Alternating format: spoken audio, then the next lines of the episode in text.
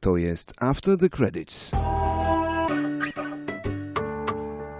Podcast magazynu filmowego MovieMag.pl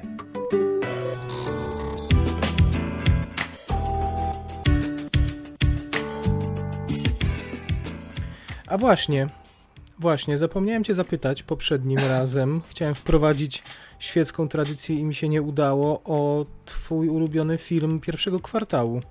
Pamiętasz jeszcze? Y, Zapomnieliśmy o czym. Zapomnieliśmy, a już się kończy kwiecień, ale, ale spróbujmy może. Podejmiesz się wytypowania jednego albo może kilku, co, w tych pierwszych trzech miesiącach było takiego? Niech sobie przypomnę, co było. Na pewno nie były to najlepsze trzy miesiące. Mm, No nie. Kingsmeni chyba byli. Chyba Tak. Jak miałbym wybrać jeden. Mhm. No. Pamiętam, że się dobrze bawiłem na tym filmie. Ja patrząc i pomijając te Oscarowe rzeczy, które w Polsce się pojawiły w styczniu, bo, bo o nich No, no myśl, tak. myślmy już jako o czymś, co było, no, no, jeszcze zalicza się do 2014, to ja faktycznie bym Kingsmana tutaj wyróżnił. Coś za mną chodzi, chyba jeszcze wyżej stawiam niż Kingsmana. Mhm. Mm, It Follows mi się podobało bardzo, ale jednak bawiłem się dużo lepiej w kinie. Jakoś samo to zaskoczenie, wiesz, było przyjemne takie, że, że, że to było naprawdę niezłe. Byłem zaskoczony, że to jest faktycznie Mhm. tak dobre. Chyba jednak wyżej bym dał niż, niż It Follows. No, ale y, przy It Follows też byłeś zaskoczony, bo No tak. też się nie bo- spodziewałeś, że w horror może być dobry, Znaczy, no nie, że horror może być dobry, tylko że horror Że ci siądzie, Się o, że ci mi siądzie, tak. No.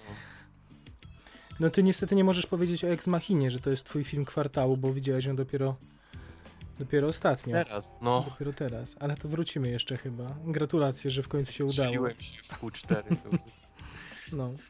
Nie, to ja, ja te trzy. Ex Machina, Kingsman i It Follows. To, są, No to tak. jest dla mnie trójka.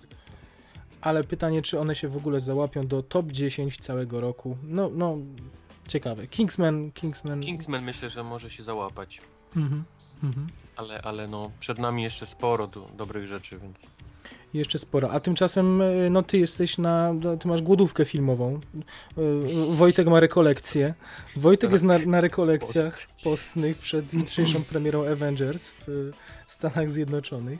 Z tym jak te trzy małpki, nic nie widziałem, nic nie słyszałem, nic nie mówię. Jestem totalnie, staram się wyłączyć, żeby jutro na świeży mózg to wrzucić.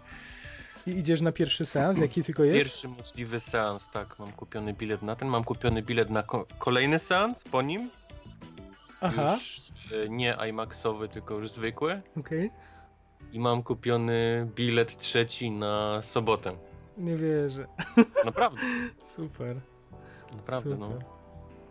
Nie wiem, nie, nie wiem jeszcze, czy pójdę na ten drugi, zwykły, zobaczę jak się będę czuł, bo to jednak Mhm. dwa, dwa razy pod rząd to jest ciężko. Zobaczymy. Czy Zobaczymy. ze, ale że emocje wezmą górę? Czy, czy będziesz przeżywał, czy że będziesz padnięty po dwóch i pół godziny? Że mogę być, wiesz, to jednak siedzenie, nie? W kinie. No. Trochę jednak męczy gapienie się na ekran, zwłaszcza ten, ten IMAXowy w okularach Mhm. i tak dalej, i tak dalej. No. Zobaczymy. Ale myślałem Mam bardziej, że... kupiony, wiesz, na, profilaktycznie mam kupiony, gdybym, gdybym wiesz, No tak. Ja myślałem, że bardziej, że łzy szczęścia ci za- zaleją oczy i nie będziesz mógł po tak prostu... pięknie, że, że wyjdę i krzyknę, chcę jeszcze raz i pobiegnę do, do drugiej sali. Ale potem będziesz siedział na drugiej sali, nic nie widzę, nic nie widzę, będziesz mu przecierał oczy, łzy będziesz jeszcze ocierał i... Okulary działają tutaj. No. A y, duże jest obłożenie? Znaczy są normalnie wyprzedane wszystkie sale już w zasadzie i musiałeś kupić dużo wcześniej? Jak to wygląda? Tak, tak, tak. Jeżeli piątek, premiera, taki film, to tak, to trzeba zdecydowanie kupić wcześniej bilet. Bo jest ciężko, a, a problem polega na tym, że tutaj nie kupuje się biletów na konkretne miejsca, tylko No tak. to pierwszy, ten lepszy. Mhm. Więc... Jeżeli kupisz, to jeszcze masz szansę i usiądziesz nawet w dobrym miejscu, jak, jak ci się uda, ale, ale, ale przy takim obłożeniu to częściej trafisz na jakiś taki sam pierwszy rząd na samym, wiesz, lewym rogu, także... No to akurat słabe macie. Kurczę. Nie, Wiesz, U co, nas... to wszystko polega na tym, wiesz, gdzie chcesz siedzieć, to musisz wcześniej przyjechać. No wiesz. tak. Tą, która lubi być zawsze wcześniej, bo, bo zwiastuny, bo ten, Mhm. Siedzę zawsze tam, gdzie jak Sheldon mam swoje ulubione miejsce, wyliczone, wiesz, gdzie są wyjścia, gdzie są przyciągi No tak. i tam siedzę zawsze. U nas y, premiera jest o dziwo już we czwartek. przyszły, znaczy Boże, już... Tak, że o 18 chyba jest pierwszy seans. Mówię, że już o dziwo, ale to i tak jesteśmy jednym z ostatnich krajów yy, na świecie, który będzie miał ten film, więc to, to akurat nie jest żadne, żadne pocieszenie, raczej taki, taka y, smutna konstatacja, nie? Że, że u nas y, długi weekend, ale to już o tym rozmawialiśmy, kojarzy się No. ze wszystkim, tylko nie z pochłanianiem kultury. Ludzie w końcu mają czas, więc jadą wpierdzielać mięcho z grilla, a nie Aha, idą... Tak, a nie idą nadrobić, yy, nie wiem, kina, teatru czy, czy, czy jakichś innych historii. No, no smutne. I, yy, no, na pewno, No zobaczymy, a nóż jakiś rekord, wiesz, rypniecie i że później, że po. otwarcie będzie takie, że uch, pozamiata wszystko, co do tej pory wyszło. No może, ale to wiesz, yy, takie otwarcie by miało znaczenie, gdyby łupnęli właśnie w długi weekend taką premierę i pokazali, że jednak No ludzie by tak. poszli, to, to by tak. się coś zmieniło, a tak będziemy już po wszechczasy albo, albo uprzywilejowani, bo, bo będziemy mieć premierę jako pierwsi, tak jak było to w przypadku Kapitana Ameryki czy, czy Spidermana, albo jako ostatni, jak w przypadku Avengersów. No, tym niemniej mamy premierę już y, we czwartek, natomiast już we środę są y, maratony. E, Mhm. Także można iść sobie jeszcze przed północą obejrzeć pierwszą część Avengersów, a no w zasadzie punkt północ ze środy na czwartek. mm, No ten, ten już upragniony seans drugiej, drugiej części. Y, No, Bardzo wiem, dlaczego rozstrzelili tak tą premierę na, na, na te trzy tygodnie. A później, później płaczą i się dziwią, że wyciekło gdzieś jakieś, gdzieś tam na, na torrentach już się pojawiły te Avengersy. Oczywiście nagrywane biletem gdzieś tam w kinie i, i tak dalej, i tak dalej, ale, no, ale są, już można oglądać.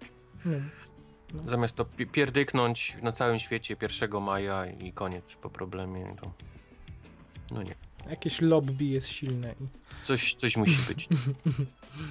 Ym, Tym niemniej idę, wybieram się już na maraton, już 6, więc y, możemy chyba zdradzić już teraz, że y, prawdopodobnie możecie spodziewać się odcinka specjalnego już w przyszłym tygodniu poświęconego tylko i wyłącznie Avengersom. Mhm. Mm, A poprzedni odcinek y, specjalny poświęcony serii Wszyscy i Wściekli no, spotkał się z, no, z sympatycznym przyjęciem, tak mogę powiedzieć. I, I po sygnałach od słuchaczy, i po ilości tych odsłuchów myśleliśmy, że będzie, że będzie sporo gorzej jak na tak no, jednak wąską tematykę, a tutaj okazało się, że ludzie chcą y, na, słuchać nie tylko czegoś przekrojowego, ale i tematycznie dogłębnego dokładnie. Także będziemy się y, no, zagłębiać w tym razem tematykę marvelowską i w związku z tym y, myślę, że to będzie dobry ruch, że dzisiaj o Avengersach nie będziemy już mówić ani słowa. Co ty na to? Nie, nie. Y, Zróbmy właśnie też słuchaczom takie rekolekcje. Niech mają świadomość w ogóle, że jak tego będą słuchać jutro, to ty już będziesz albo w trakcie seansu, albo po. Mhm. Y, To mhm. taki mityczny, Myśl, myśl mityczny. o mnie, jak Tak. będziesz to montował. Dokładnie. I wszyscy, którzy słuchają, niech, niech też będą z Wojtkiem, niech go wspierają, niech wystarczy sił na te trzy seanse. Może się przywitajmy. Dzień dobry. Szósty odcinek After the Credits. Cześć Wojtek. Witam, witam. Y, Skoro nie mamy nie mówić o Avengersach, ale bardzo bym chciał, bo sobie wynotowałem takie piękne historie, jak na przykład Josh, y, przepraszam, Joss, Joss Whedon, Joss. Joss Mhm. Whedon, pozdrawiamy. Y, Joss Whedon coraz y, bardziej y, sypie, że tak powiem kolokwialnie, coraz więcej mówi rzeczy, które niekoniecznie mogą się Marvelowi podobać I, i, i bardzo chciałem o tym mówić, ale myślę, że zostawimy sobie to na przyszły tydzień i nie powiemy teraz o tym, y, ile jo Joss Whedon zarobił na pierwszych Avengersach i Mhm. dlaczego nie zarobił praktycznie nic. O tym, że był totalnie przeciwny serialowi Daredevil. No, jest tych newsów kilka. Mm, I, i, I o tym, jak bardzo Joss Whedon chwalił scenariusz Antmana na przykład, ten oryginalny od Edgara Wrighta, co Mhm. jest przecież wbrew linii teraz Marvela. Wszystko bo- na przekór. Tak, tak, tak. Wszystko więc- było kolorowo przed premierą. Mhm. y, Poleciały Avengersy i nagle zaczynają wypływać brudki i, No. i większe brudy Wedon, biznesu filmowego. Wedon jest już wolnym człowiekiem, może w tym Mhm. już w końcu mówić co, co chce. Zwłaszcza, zwłaszcza mówienie rzeczy, że- bardzo chętnie nagrałby film DC, to DC, jest taki tak. trochę ch- potwarz, nie? Tak, tak, tak, zdecydowanie. A na takie wyznanie się, na takie wyznanie się zdobył, że sympatyzuje zarówno z jednym, jak i, jak i z drugim obozem. Y, Skoro nie będziemy mówić o Wedonie, ale o Marvelu będziemy, y, ale stało się y, praktycznie równo dwa tygodnie temu coś chyba jeszcze ważniejszego dla ciebie niż Avengers i niż Marvel, bo oto Star Wars Celebration w Mhm. Anaheim w, w Kalifornii miało miejsce. Czemu cię tam Mhm. nie było, powiedz? Po pierwsze. Ehm, bilety rok z wyprzedzeniem sprzedają i wykupują się właściwie w kilka minut. Więc, więc ciężko mi jest zaplanować coś rok do Ach. przodu. No dobra. No, to nie jest prosta rzecz. Y, Dodajmy przyszłoroczna impreza w Londynie. W Londynie. Także jeśli mhm. ktoś ma ochotę się wybrać, nie wiem czy bilety jeszcze są, ale, ale, Biletu już chyba nie ma właśnie. ale to może gdzieś u Konika znajdzie albo na Allegro. Ha, ha, ha. Allegro. Gdzieś przycebulowane może są. No, w każdym razie y, troszkę bliżej niż, niż Anaheim. Wojtek, co tam ciekawego y, się wydarzyło te dwa tygodnie temu? Y, Nie wiem w zasadzie od czego zacząć. Ciężko powiedzieć, bo, bo dużo rzeczy pokazano. Od, od zwiastuna samego filmu, który, który mówiąc młodzieżowo pozamiatał. Mhm.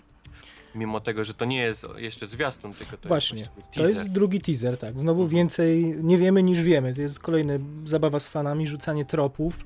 Absolutnie nie da się tego O, poukładać. Rozbieranie, rozbieranie tego, tego teasera to było coś pięknego. Mhm. Ludzie takie różne teorie tam No snują. to że- słuchaj, to może spróbujmy. Spróbujmy. Powiedz, co, co ciebie naj, największą twoją uwagę przykuło w tym, w tym teaser- teaserze. Najpierw powiedz, czy ci się podobał w ogóle teaser Przebudzenia Mocy. podobał. No jest zrobiony, jest zrobiony był tak, że było coś właściwie dla wszystkich, bo były takie wolniejsze, mówione kwestie i, i druga właściwie część to sama akcja i, i wrzucanie jednosekundowych postaci, które się pojawią, które gdzieś tam już ludzie e, sobie mówią, kto to jest, kto to będzie i tak dalej, i tak dalej. No i samo zakończenie, prawda, czyli takie ręce ci się składają do oklasków, czyli Han Solo i Chewie na, na, na, na pokładzie Falcona Millennium, mówiąc, że jesteśmy w domu. Tak, tak. Y, Tutaj nam obu chyba łezki się zakręciły i wymienialiśmy się na gorąco tymi przeżyciami To odnośnie było tej, coś tej... pięknego. Wszyscy na, pamiętam, na. Facebooku od razu Mhm. zmieniali ten awatarki na, na Hanna Solo i coś pięknego.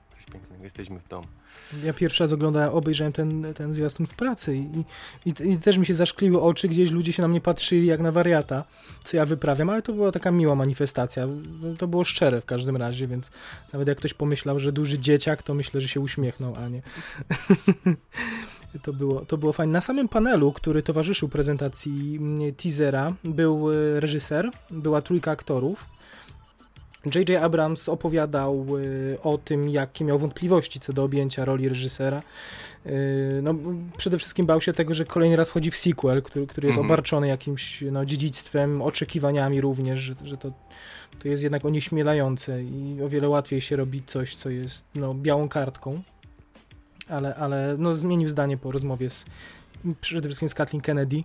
No a po drugie, y, po tym jak y, zagwarantowano mu, że będzie można, że będzie mógł wykorzystać bardzo dużo tych efektów specjalnych, praktycznych, a nie komputerowych. Tego, Tak. tego też tak. przekonało. Prawdziwe plany zdjęciowe, prawdziwe statki w skali 1 do 1, czy, czy, czy modele. Chciał bardzo nakręcić to jak George Lucas pierwszy, Mhm. pierwszy film, czyli wszystko właściwie na, oparte na w większości na makietach i jakichś tam modelach. I wtedy na scenę wjechał y, już słynny już droid B88. droid, droid kulka, tak? Tak. Y, Tak, To to jest, też jest bardzo fajna historia, bo, bo oni wtedy mówili, że jest właściwie jedna firma, która się zgodziła na wyprodukowanie tego i to był, to był produkcja niczym rakiety kosmicznej NASA i, i bez tej firmy im, im by się nie udało zrobić tego, po czym widziałem na YouTubie ktoś dwa dni potem wybudował podobny model, który jeździł. Naprawdę? I, tak, tak, więc, więc y, ludzie potrafią wszystko. To, to jest, to jest Bo oni chyba na tym, przy, przy okazji tego panelu powiedzieli, że to w ogóle Bob, e, Bob Iger, czyli dyrektor Disneya i tam jakieś jego kontakty, że to wszystko sprawiło, że wykorzystali jakąś specjalną tą technologię, która umożliwiła skonstruowanie no, robota, który jeździ jak, jako kulka. Mhm, Czyli nie, mhm. czyli zaprzeczasz. No, Ja nie widziałem, to musisz mi podesłać to nagranie w takim razie. Mhm. Mm, Co, co jeszcze? Mm, Trójka aktorów była na Mhm. panelu. Oscar Isaac, Daisy Ridley i John Boyega. Mhm. Czyli ci ludzie, których znamy już z trailera, z teaserów, y, co znamienne nie było nikogo innego, czyli dalej nie wiemy, kim jest Andy Serkis, dalej nie wiemy, kim jest Domal Gleeson, Mhm. kim są te postacie. Chyba, że ty wiesz. Że... Nie, nie, oni to trzymają dość, dość, dość właśnie pod takim grubym pokrowcem i na razie nie wiadomo, kto jest kim. Specjalnie oczywiście nie pokazali. Mhm. Wiadomo, że nie mogą się z wszystkiego wystrzelać, zwłaszcza, że jest, teaser pokazuje, że mamy sporo postaci, które noszą maski i, i jakieś zakrycia, więc, więc nie, nie mogli się z tego na razie jakoś wystrzelać.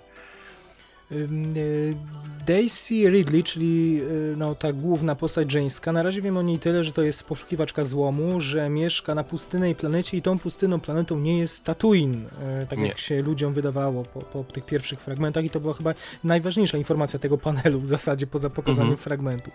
Mhm. Planeta nazywa się Jaku. Jaku. Coś jeszcze wiemy? E, spekulacje są takie, że jest to córka e,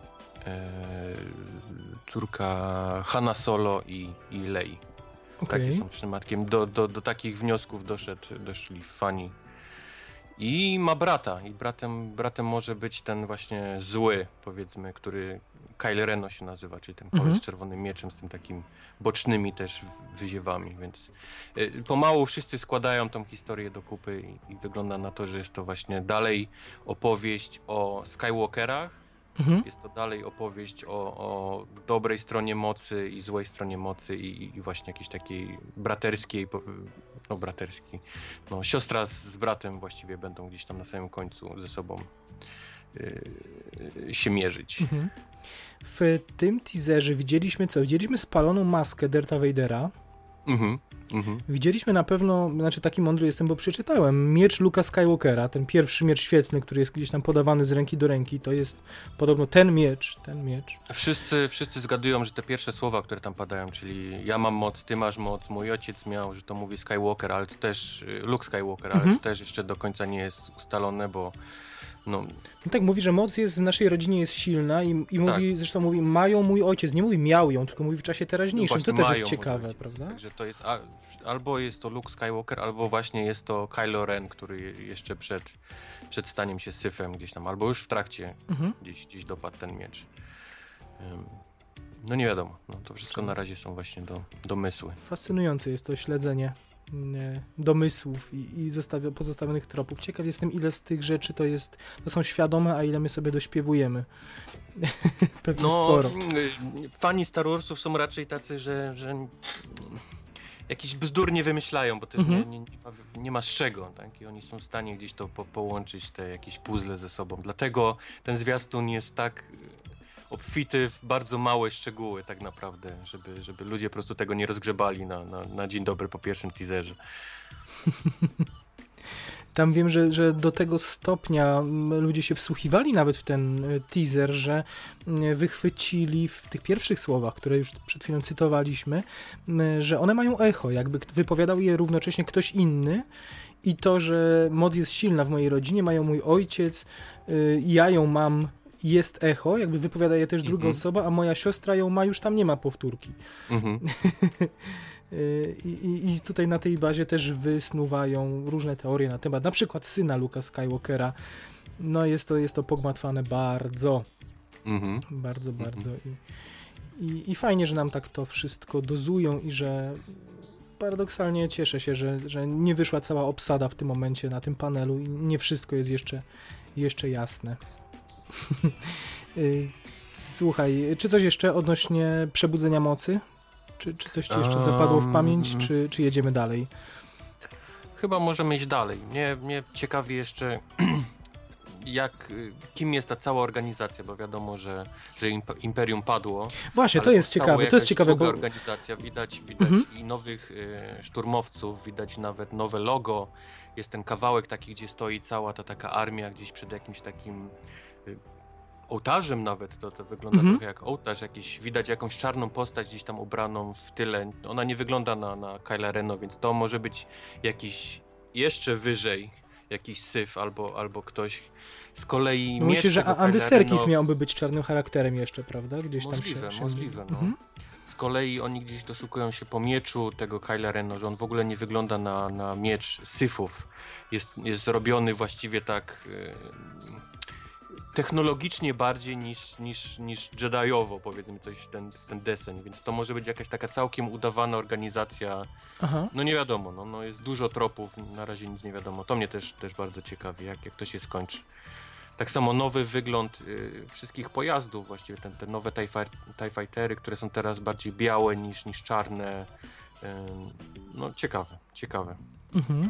No, y, tam y, odwiedzający Star Wars Celebration, y, to, to o czym mówisz, do, do inaczej, dogrzebali się do takiej informacji, zobaczyli, ten, ponieważ ten konwent to nie tylko panele dyskusyjne, ale wystawy Mhm. rekwizytów również i gdzieś Wszystkie właśnie filmów, no. Gdzieś są. właśnie wśród tych rekwizytów nowych, z nowego filmu, dopatrzyli się właśnie e, tych nowych określeń, czyli że nie ma już imperium, tylko jest jakiś first order, First jakiś, Order. jakiś, mhm. jakiś zakon.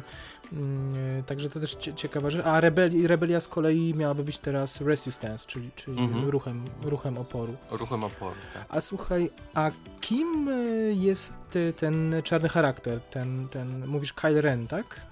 Kyle, Kyle Ren, tak. Kylo Ren. Kylo Ren. Kylo Ren, bo to jest chyba postać, która już się gdzieś w tej mitologii Gwiezdnych Wojen pojawiła wcześniej. Mam rację, czy, czy nie? Czy on... Em, znaczy, jest, jego maska jest bardzo podobna do maski jednego z bohaterów gry, która wyszła na, na bazie e, Gwiezdnych Wojen, Mhm. ale, ale tu bym się raczej nie doszukiwał żadnych, żadnych podobieństw. Myślę, wydaje mi się, że po prostu podobała się twórcom wygląd tej maski i ją, i ją skopiowali.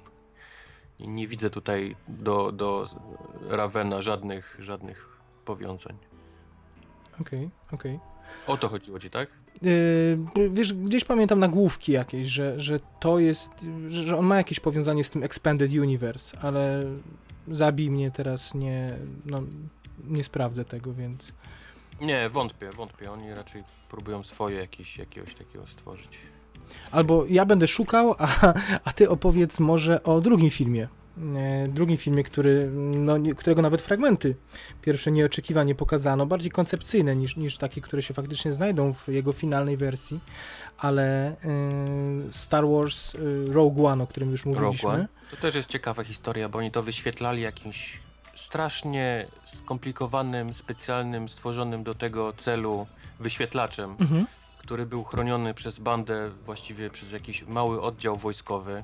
Zaraz po, po wyświetleniu, a wyświetlali go trzy razy pod rząd, żeby ludzie zapamiętali. Właściwie go schowali i wojsko go wywiozło nie wiadomo gdzie jest. Nic innego nie jest w stanie wyświetlić tego, tego, Mhm. tego zwiastuna, więc ja nie wiem, czy to jest jakaś, będzie jakaś nowa technologia, czy, czy jest to zrobione na potrzeby tego, żeby nie dało się tego jakoś skopiować. Nie wiem. My w każdym razie e, plebs zobaczył tylko nagrania gdzieś tam komórką z sali kinowej i, i mniej więcej wygląda to tak, że jest jakiś taki przelot przez, e, przez e, las, gdzieś tam TIE Fighter sobie śmiga bokiem i nagle wyłania się reszta planety i, i gdzieś tam w tle na niebie jest Gwiazda Śmierci. I sporo krzyków, sporo strzelania, czyli, czyli ludzie już gdzieś tam zgadują, że znaczy oni powiedzieli, że to, to, ten film będzie w ogóle wyprany z, z y, Jediów, czy, Mhm. czy, czy mieczy świetlnych i mocy. To jest film typowo wojenny, opowiadający właśnie o, o, o tym, jak zdobyto y, plany Gwiazdy Śmierci, o tym, jak wyglądało zniszczenie Alderanu z perspektywy ludzi mieszkających na nich, więc te wszystkie strzały i te, te, te krzyki to jest właśnie chyba ten moment, w którym Alderan no, zostaje zniszczony. Czyli fajnie, jedna, jedna sekunda z epizodu czwartego będzie Mhm, iskrą do opowiedzenia dwugodzinnego filmu wojennego. Fajnie, mhm, mhm. fajny pomysł. No. Oczywiście całe zamieszanie, już czytałem cały artykuł o tym, że y, naukowcy zaczęli gdzieś tam mierzyć, jak wygląda ta gwiazda śmierci na tym, na tym tle i że Okej. ona jest trochę za blisko do planety i to by zaburzyło. No, to, to jakieś takie klasyczne zagrywki. Już gdzieś, gdzieś porównania, jak powinien wyglądać ta gwiazda śmierci. No, klasyka, klasyka. No, ale myślę, że Ludzie tutaj akurat, rozkładają wszystko na części pierwsze. myślę, że to akurat bardziej chodziło o kompozycję kadru, żeby to było po prostu stylowe, ładne, a nie żeby, żeby analizować No, aż tak. Już się oburzać, że, że, to wy, że Gwiazda Śmierci No jest tak, za blisko. No tak. po, po filmie nagranym komórką gdzieś tam w kinie, to już jest, Mhm. to, już, to mnie zawsze śmiesza mnie takie rzeczy. E, W tym krótkim teaserze narra- za narrację odpowiadały słowa Obi-Wana Kenobiego e, Tak. z Nowej Nadziei. Mhm. e, również. No, przyjęcie entuzjastyczne na tych nagraniach było, było widać, no ale to podobnie jak i tego, tego teasera Przebudzenia Mocy. F- Fani, No, fani tam krzyczeli, jęki, spazmy. Cokolwiek by pokazali, to, to ludzie klaszczą, ale to był taki faktycznie fajnie zrobiony, bo, bo tak jak mówisz, był, były słowa, które są znane z poprzednich filmów, plus obraz, który właściwie nie pokazał nic. Wiesz, patrz ile to daje, nie? Zazwyczaj takie pierwsze teasery ograniczają się do jakiegoś dźwięku, typografii, loga, A tutaj wystarczyło jedno ujęcie wygenerować, ono tak pobudza wyobraźnię od razu, czym, czym może być taki film. Świetna rzecz, to, to jest rzadko, rzadko spotykane. No, raczej te pierwsze teasery to, to kiedy jeszcze ekipa nie, zanim wejdzie na plan, to, to raczej ograniczają się do jakiegoś loga, do jakichś napisów. Mm, No tutaj bardzo fajnie sobie A z tym... propos, propos loga, zobaczyliśmy też logo tych filmów, ym, powiedzmy spin-offów, oni się bardzo Właśnie, oburzają, właśnie. nazywa tymi spin-offami, więc wymyślili ładną nazwę i to się będzie nazywało Star Wars Anthology. Ym, więc taki będą miały podtytuł wszystkie właściwie te, te spin-offy Star Warsowe, żeby to było jakimś takim powiedzmy jednym, Mhm. jednym spinaczem spięte, a nie nazywane spin-offami czy, czy jakimś Czyli co, oficjalny tytuł to jest Star Wars Anthology Rogue One. tam- Rogue One. Mhm. Mhm. Tak będzie się nazywał ten film. Mm. Grudzień 2016. I, a, I y, Gareth Edwards, y, reżyser Godzilli, niezmiennie na, stano- na krześle Tak. reżysera.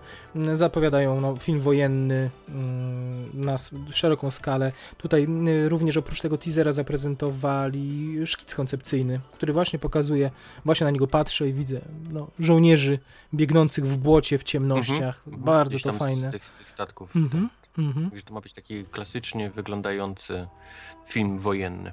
Co ciekawe, na razie tylko Felicity Jones jest potwierdzoną aktorką. No, nie wiemy nic o reszcie obsady. Nie wiem, czy ją mają, czy jeszcze szukają. Też jest bardzo ciekawe. No, a, a, a, a zdjęcia już niedługo, bo w wakacje. A zdjęcia już niedługo czas. wakacje, no. Mhm. no. Mhm.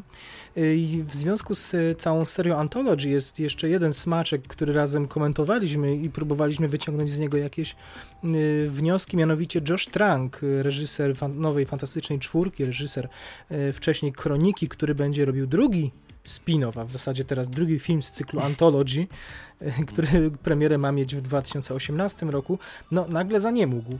Nie pojawił się na panelu, na którym miał być i y, byli zaskoczeni nie, nie tylko my, nie tylko y, ludzie, którzy tam byli, ale chyba byli zaskoczeni również sami organizatorzy, bo jego nazwisko widniało na, na wszystkich plakietkach, chyba nawet na, na tej na stole, przy którym miał siedzieć i, i więc je, jego nieobecność była ogromnym zaskoczeniem. Fox jakoś, nie wiem, wykorzystał moment zamieszania.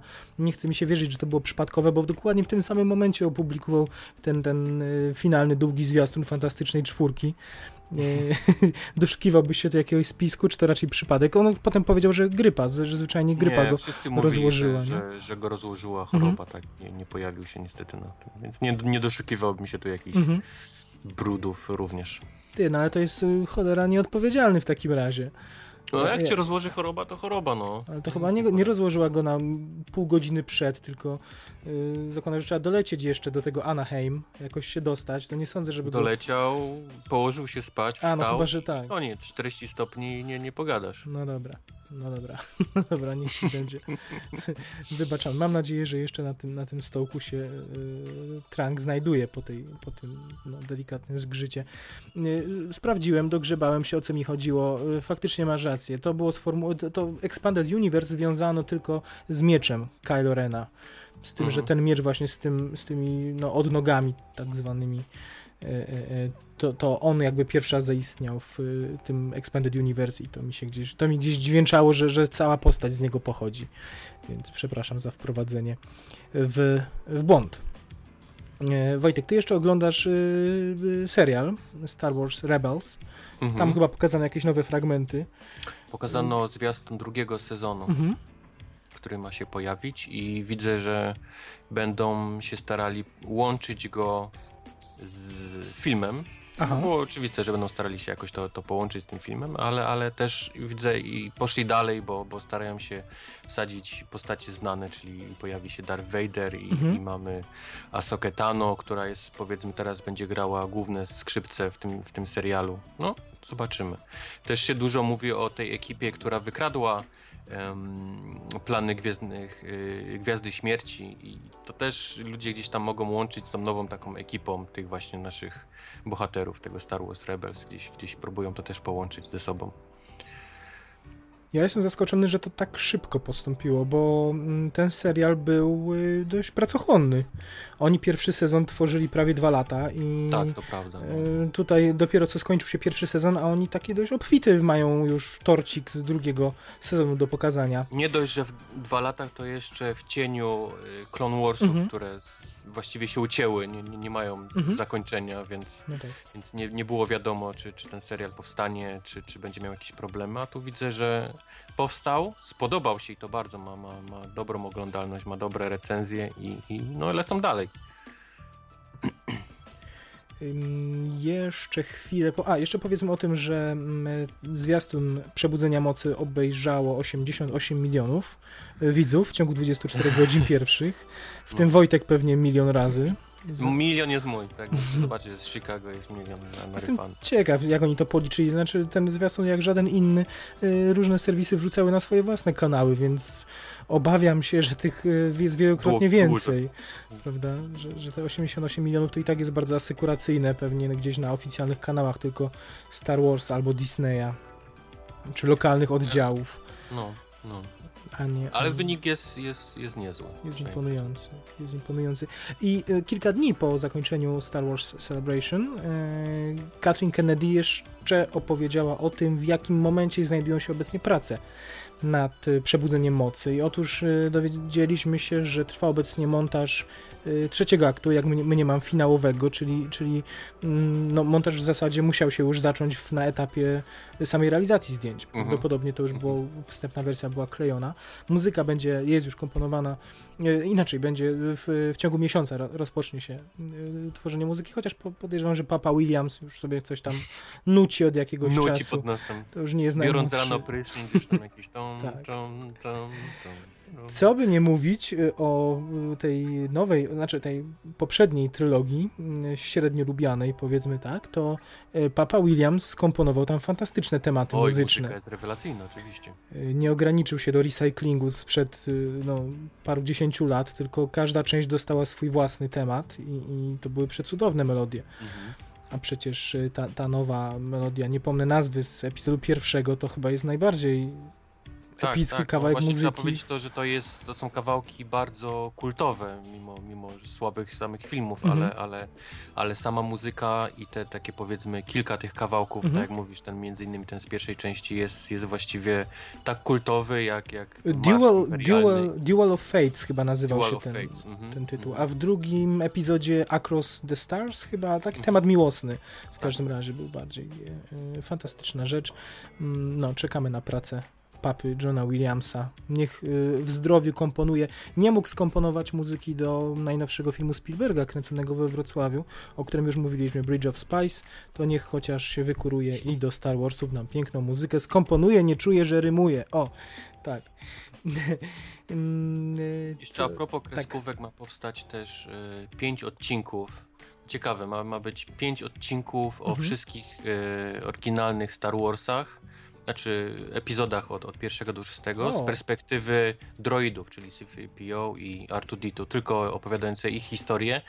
Oczywiście dokładnie to, co się działo w filmach, tylko z perspektywy ich. Tam O, nie, nie, nie będzie nic perspektywy Mhm. Podobało mi się strasznie, bo na tym Star Wars Celebration stał taki mały chłopiec na oko z 8-9 lat i zadał pytanie, dlaczego będzie tylko 5 odcinków, skoro jest 6 filmów. Aha. Wszyscy po prostu wybuchli śmiechem i, i, i nawet, nawet tam ci goście, którzy są odpowiedzialni za to, zaczęli się śmiać. No tak, tak jest mniej więcej jakoś tak pokrojony ten, ten, te 5 części, że tam będzie obejmował chyba pierwsza część to będzie cały pierwszy epizod, ale druga to już będzie drugi i kawałek trzeciego, więc jakoś tak po, po, pocięli trochę inaczej Mhm. Niż, niż filmy. Ale też mnie strasznie ciekawi, jak będzie wyglądała historia Gwiezdnych Wojen z perspektywy tylko, tylko dwójki droidów. Super, super. E, Przypomina mi się trochę trzecia część Króla Lwa. Tam Mhm. też zrobili z kolei tak, z punktu widzenia Timona i Pumby wydarzenia z Tak, tak, poprzedniej. tak. Dobra, po, porównałem teraz Króla Lwa do i Timona i Pumbę do C-3PO i, i R2-D2. Ale właśnie e, oglądając fragmenty tego Star Wars Celebration, tam był Antony Daniels, e, odtwórca roli C-3PO i on, mimo Mhm. że rozmawiano z nim i, i e, on nie chciał przyznać, że się pojawi w ogóle mm, w Przebudzeniu Mocy. Mówił, że nie wolno mu o tym mówić. Mhm. Faktycznie oni tego nie, nie potwierdzili? Nie, nie, nie. Ale z kolei on pojawia się wszędzie na każdej imprezie, czy jakiejś takiej Mhm. większej PR-owej. Zawsze jest, więc to jest, to jest bardzo zas- mnie, mnie ciekawi właśnie. Może się Je- wprasza, tylko wiesz, nie chcą mu odmówić, bo jest już starszy. To... Em, Nie, no nie, Jeżeli, kombinuję. wiesz, ktoś mógł spokojnie przeżyć ten okres, powiedzmy tych 30 lat od, od zakończenia tamtej, tamtej części, to, Mhm. to mógł być to spokojnie C-3PO. No tak. No tak. No i nie. się pojawić jakimś, może niczym Stan Lee się pojawić w cameo, W gdzieś tam cameo, mhm. kelnerem, kelnerem gdzieś w jakiejś karczmie. Pip, No i, pip, no i Artu. Artu przecież też nie możemy sobie. No, nie wyobrażam A, sobie. no. a to już jest, to już trochę inna historia, bo oni chcą bardzo tego, tego BB-8 pchać jako nowego Artuditu i nie wiem, czy, czy chcą przysłonić go, pokazując nawet 3 Mhm. sekundy Artuditu. Oni O. chcą, żeby się ludzie zakochali w BB-8, więc, więc jak tylko by gdzieś tam mignął Artuditu, to było o, jest ten nasz ulubiony. A teraz wracamy do BB-8. O, Ale chyba ludzie faktycznie pokochali tego, tego całego BB-8, bo zaraz no, internet zalały pytania, gdzie można kupić taką figurkę. E, Albo zaba- zabawkę. Już, e, zabawka kosztuje 150 dolców i, i na razie są składane zamówienia mailowe na, na, na tego BB-8. A będzie jeździć tak samo jak oryginał? Ma jeździć tak samo jak Ojej. oryginał. Czyli super tajna technologia Disneya zawita pod strzechy za jedyne Mhm. 150 baksów, okej. 150 dolców. no. A propos jeszcze jego, jest, jest, ma kawałek swój, oczywiście oprócz tego, gdzie jedzie na tym, na, po tym piachu, co widzieliśmy wcześniej, a jest na, jest scena w Falconie Millennium, gdzie on się wychyla, tak powiedzmy. Tak, tak, tak, tak, za tak. rogu. I jest to jeden do jeden też, jak ta, ta scena, jak Artuditu Mhm. się wychyla tym właśnie też w Falconie Millennium z poprzedniej części. Także taki, taki oczko też do, do, do fanów. Sporo tego Falcona pokazali w tym teaserze, prawda? I, w i wewnątrz, i na zewnątrz. Sporo, sporo, bo ta scena, gdzie, gdzie on ucieka przed tym y, TIE Fighterem, to jest dalszy ciąg tego, co widzieliśmy w pierwszym tym Mhm. teaserze takim, gdzie on sobie gdzieś tam w powietrzu robił te fikołki. To jest, to jest dokładnie dalszy ciąg tej, tej sceny. To spekulowano, że w ogóle w tym, fight, ta, w tym TIE Fighterze być może jest y, właśnie John Boyega, który na tamtym etapie będzie jeszcze szturmowcem. Um, nie, on już moim Czy- zdaniem już jest... czy już nie? Czy już... Wydaje mi się, że same Gwiezdne Wojny otworzą się sceną, gdzie John Boyega ucieka. Znaczy, widzi co, co się dzieje, co robi ten, ten, to, to nowe imperium i, i postanawia nie być częścią tego i, Mhm. I, ucieka. I te wybuchy, gdzieś tam właśnie wybuchające TIE Fightery na tej bazie i tak dalej, i tak dalej. Okej. Nawet jest scena, gdzie Kylo, Reno, Kylo Ren gdzieś tam jest w jakimś tłumie i zaczynają ludzi mordować ze szturmowcami, więc myślę, że od tego się zacznie um, od tego się zacznie film, a ta postać, która jest z kolei w, w tym TIE Fighterze, który ich goni, to jest, jest jak się nazywa, Kap, kapitan, kapitan Fazma, to jest kobieta i to jest z kolei, wydaje mi się, że będzie grana przez, i teraz mi wyleciała nazwa, Brienne, tak? Brienne Mhm. Mhm. Z gry o Tron, tak? Gry o Tron, tak. Nie, nie mogę sobie przypomnieć teraz nazwiska, ale wydaje mi się, że ona będzie i wygląda wzrostem na, na tą postać Mhm. i, i, i jest to kobieta, więc to by wszystko pasowało. Nie, ja, ja wspominam o tym, e, że pojawiły się głosy, że właśnie w tym TIE Fighterze miałby być John Boyega, czyli ten, ten e, czarnoskóry aktor w zbroi szturmowca. Przypomnijmy z pierwszego, z pierwszego teasera, z pierwszego kadru pierwszego teasera. Mm, No bo po pierwsze właśnie jest jakiś ten moment, kiedy on zdejmuje hełm i jest przerażony czymś, co się stało i to jest właśnie na, na planecie Jakku. Yy, tak? Dobrze mówię? Tak? Mhm. Dobrze mówię. Mm, No to raz by wskazywał, że to tamten jakiś przełom się stanie. Mm, A dwa, Ale że to ludzie nawet analizowali. Ma ten, ma ten biały, wiesz, klasyczny strój Mhm.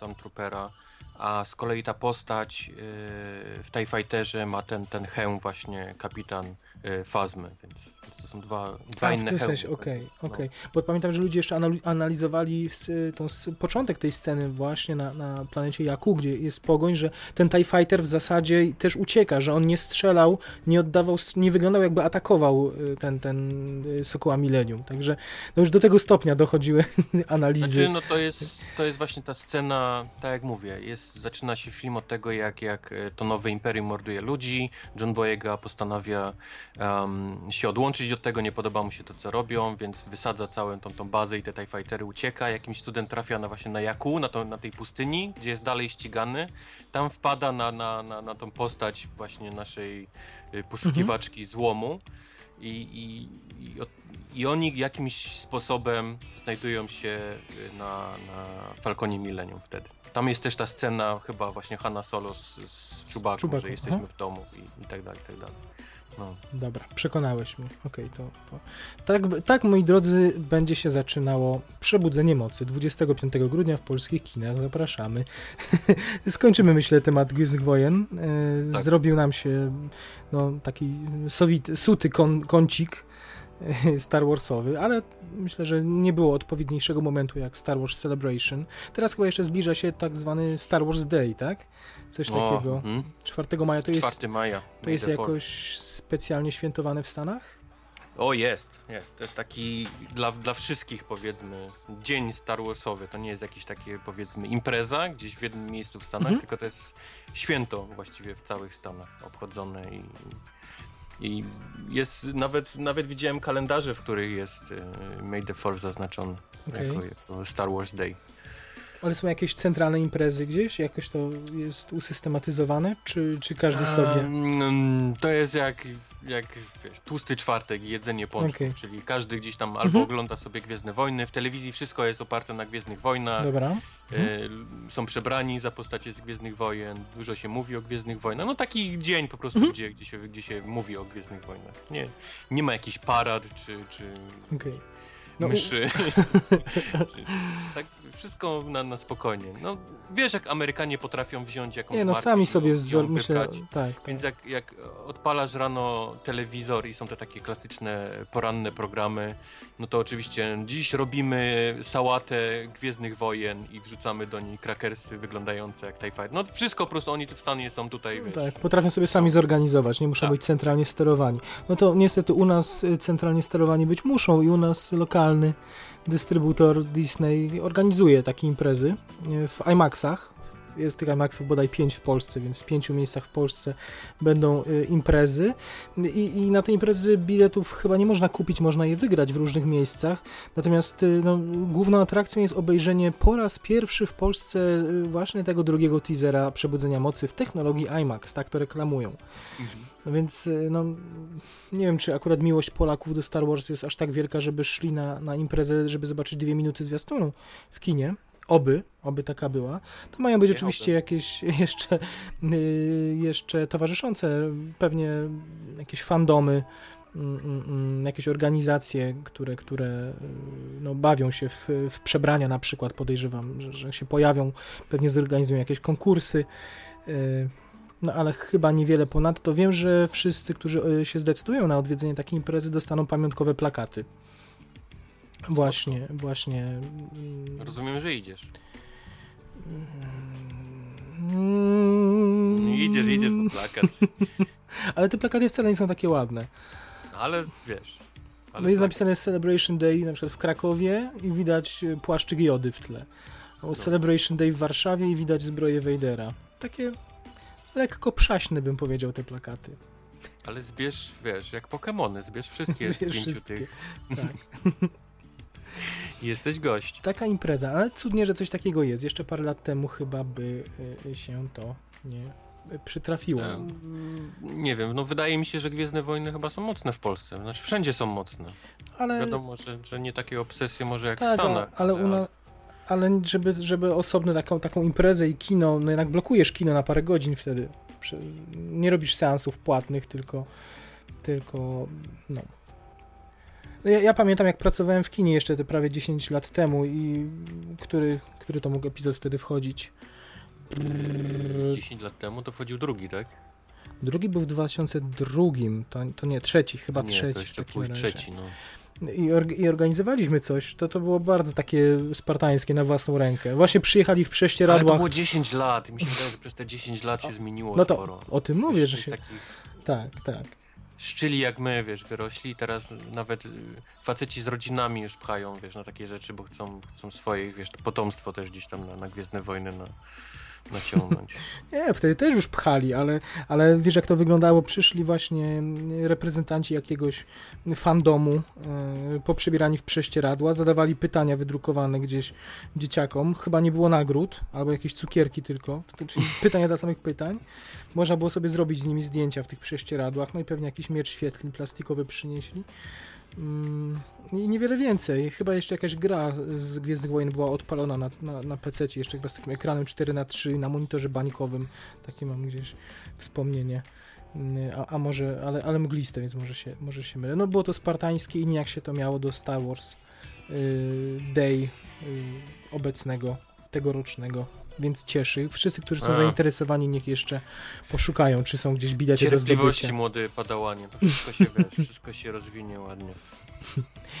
Także 4 maja zapraszamy do IMAXów y, polskich na, na świętowanie y, Dnia Gwiezdnych Wojen.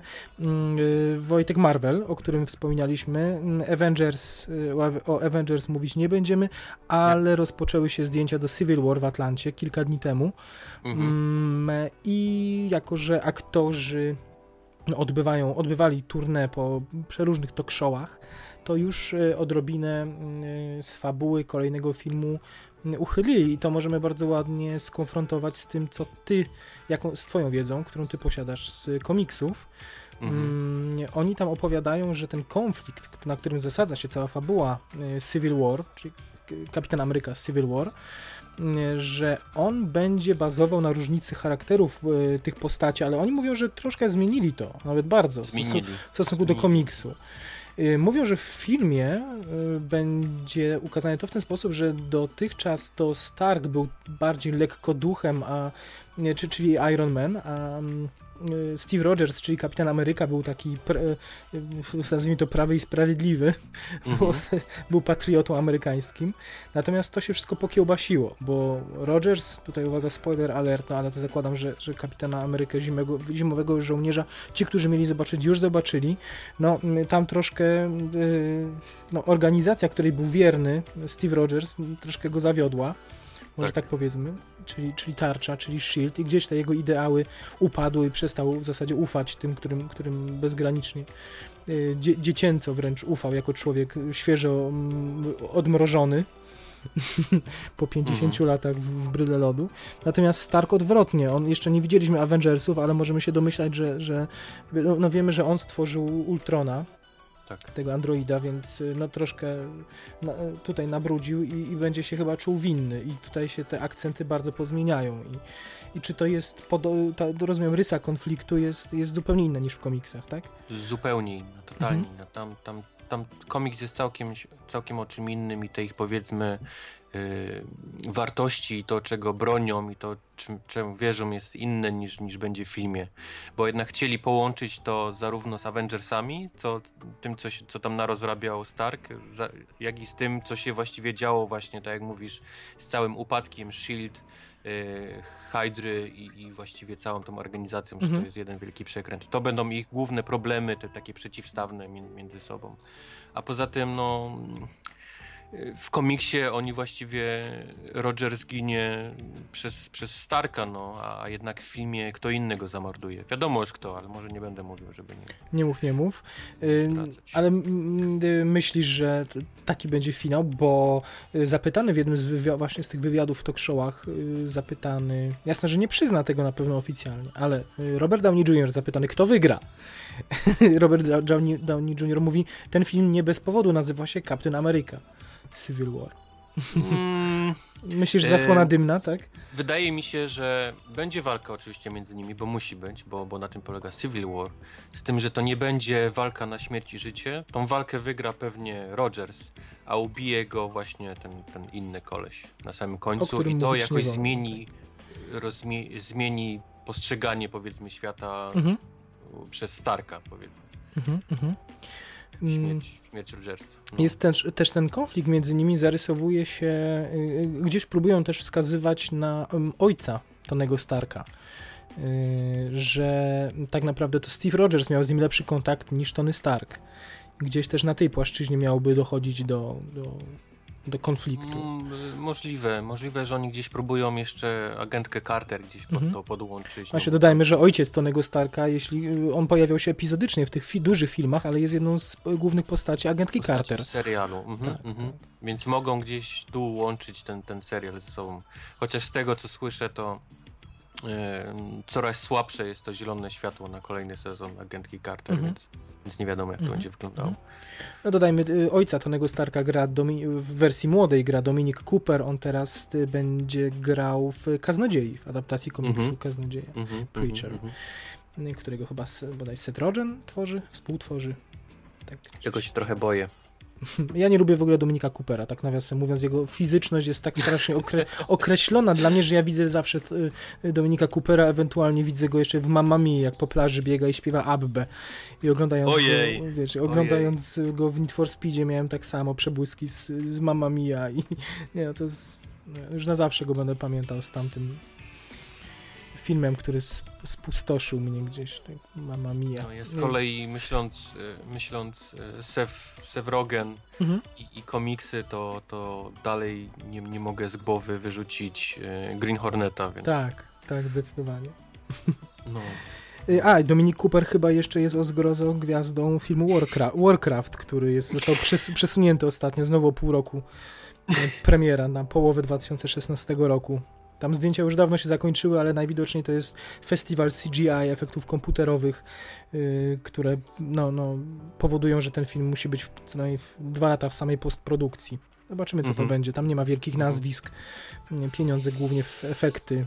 Idą ci, którzy widzieli pierwsze fragmenty na Comic Conie rok temu, mówili, że to wyglądało bardzo zacnie, ale nie odbijajmy, bo, bo o Warcraftie mówić nie Okej. będziemy. I o Dom- Dominiku Cooperze też nie.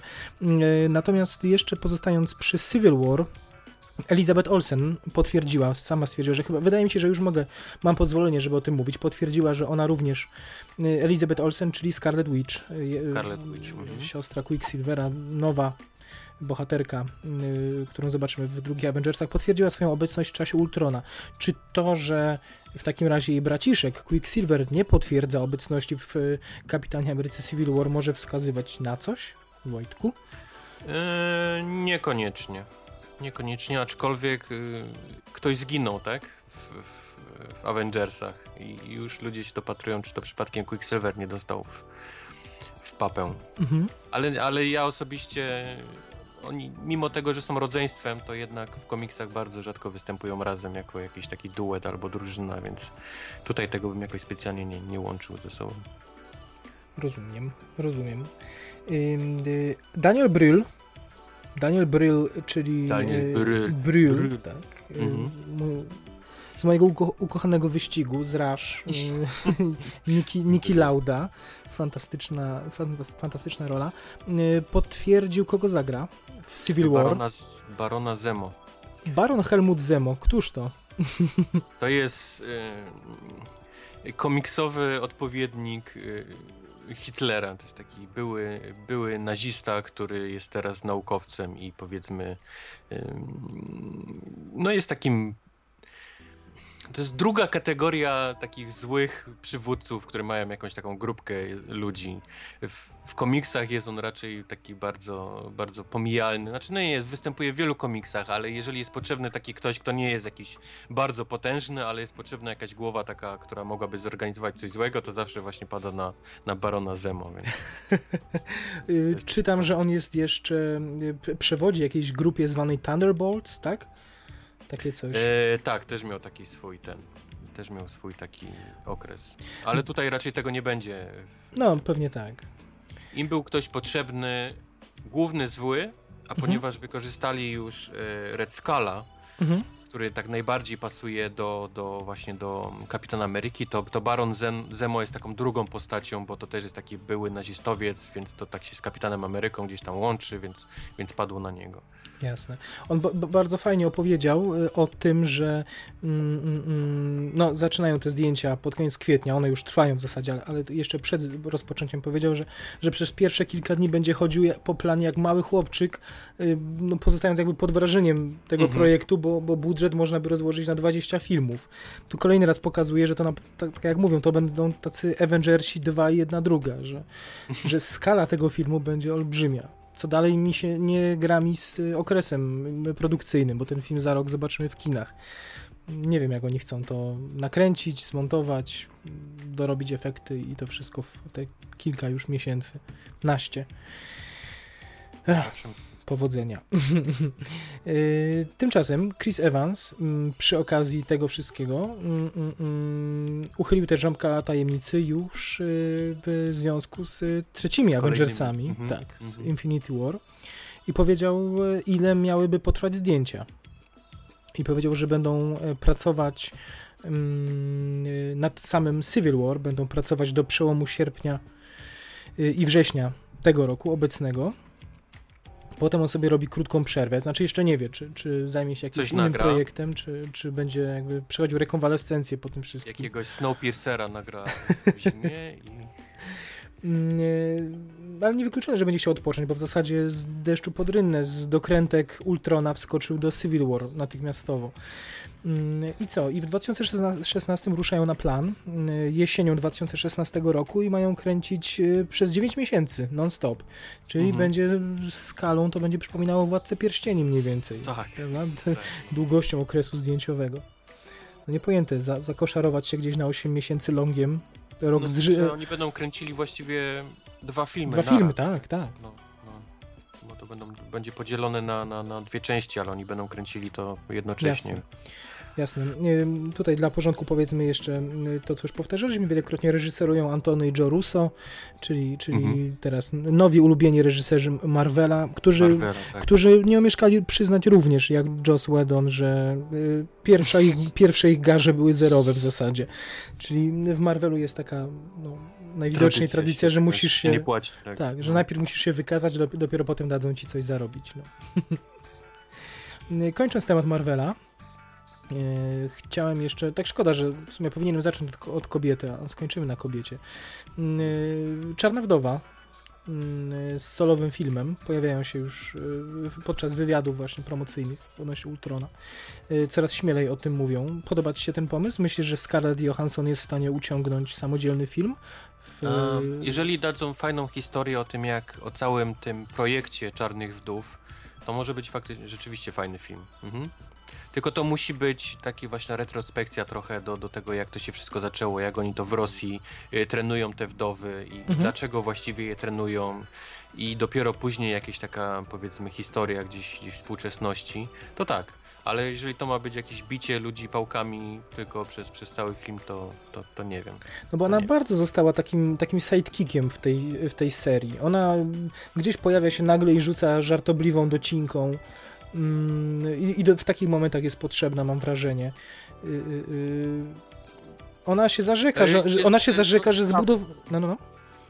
To prawda, zresztą nawet w wywiadach e, gdzieś tam, bo wywiady są cały czas z Markiem Ruffalo, bo oni są parą w filmie, więc oni zawsze są gdzieś tam łączeni w wywiadach, więc Mark Ruffalo zawsze mówi, że, że bardzo prosi, aby powstawało więcej zabawek z, e, właśnie z, e, z Czarną Wdową, albo że Czarna Wdowa miała więcej, Okej. więcej jakichś, jakichś roli, bo to miała strasznie mało, że nawet Hawkeye miał więcej w tym filmie. Zawsze z Hawkeye'a sobie się wszyscy śmieją, więc zawsze Hawkeye'owi się dostaje. Mhm. Ale no, no, no mm, nie wiem, czy powstanie film tak naprawdę. No.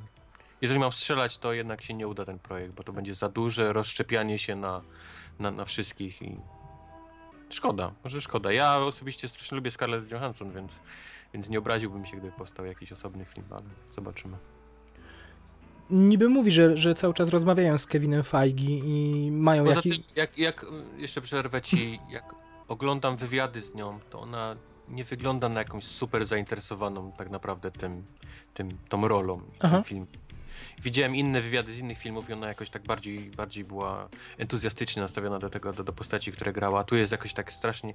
Mm, Być może oni tych wywiadów mają po 50 dziennie i ona po prostu już wymiotuje, jak musi mówić o tych samych rzeczach, ale jakoś nie, nie czuje u niej Mhm. tej satysfakcji z grania Czarnej Jasne. Wdowy. Jasne, jasne.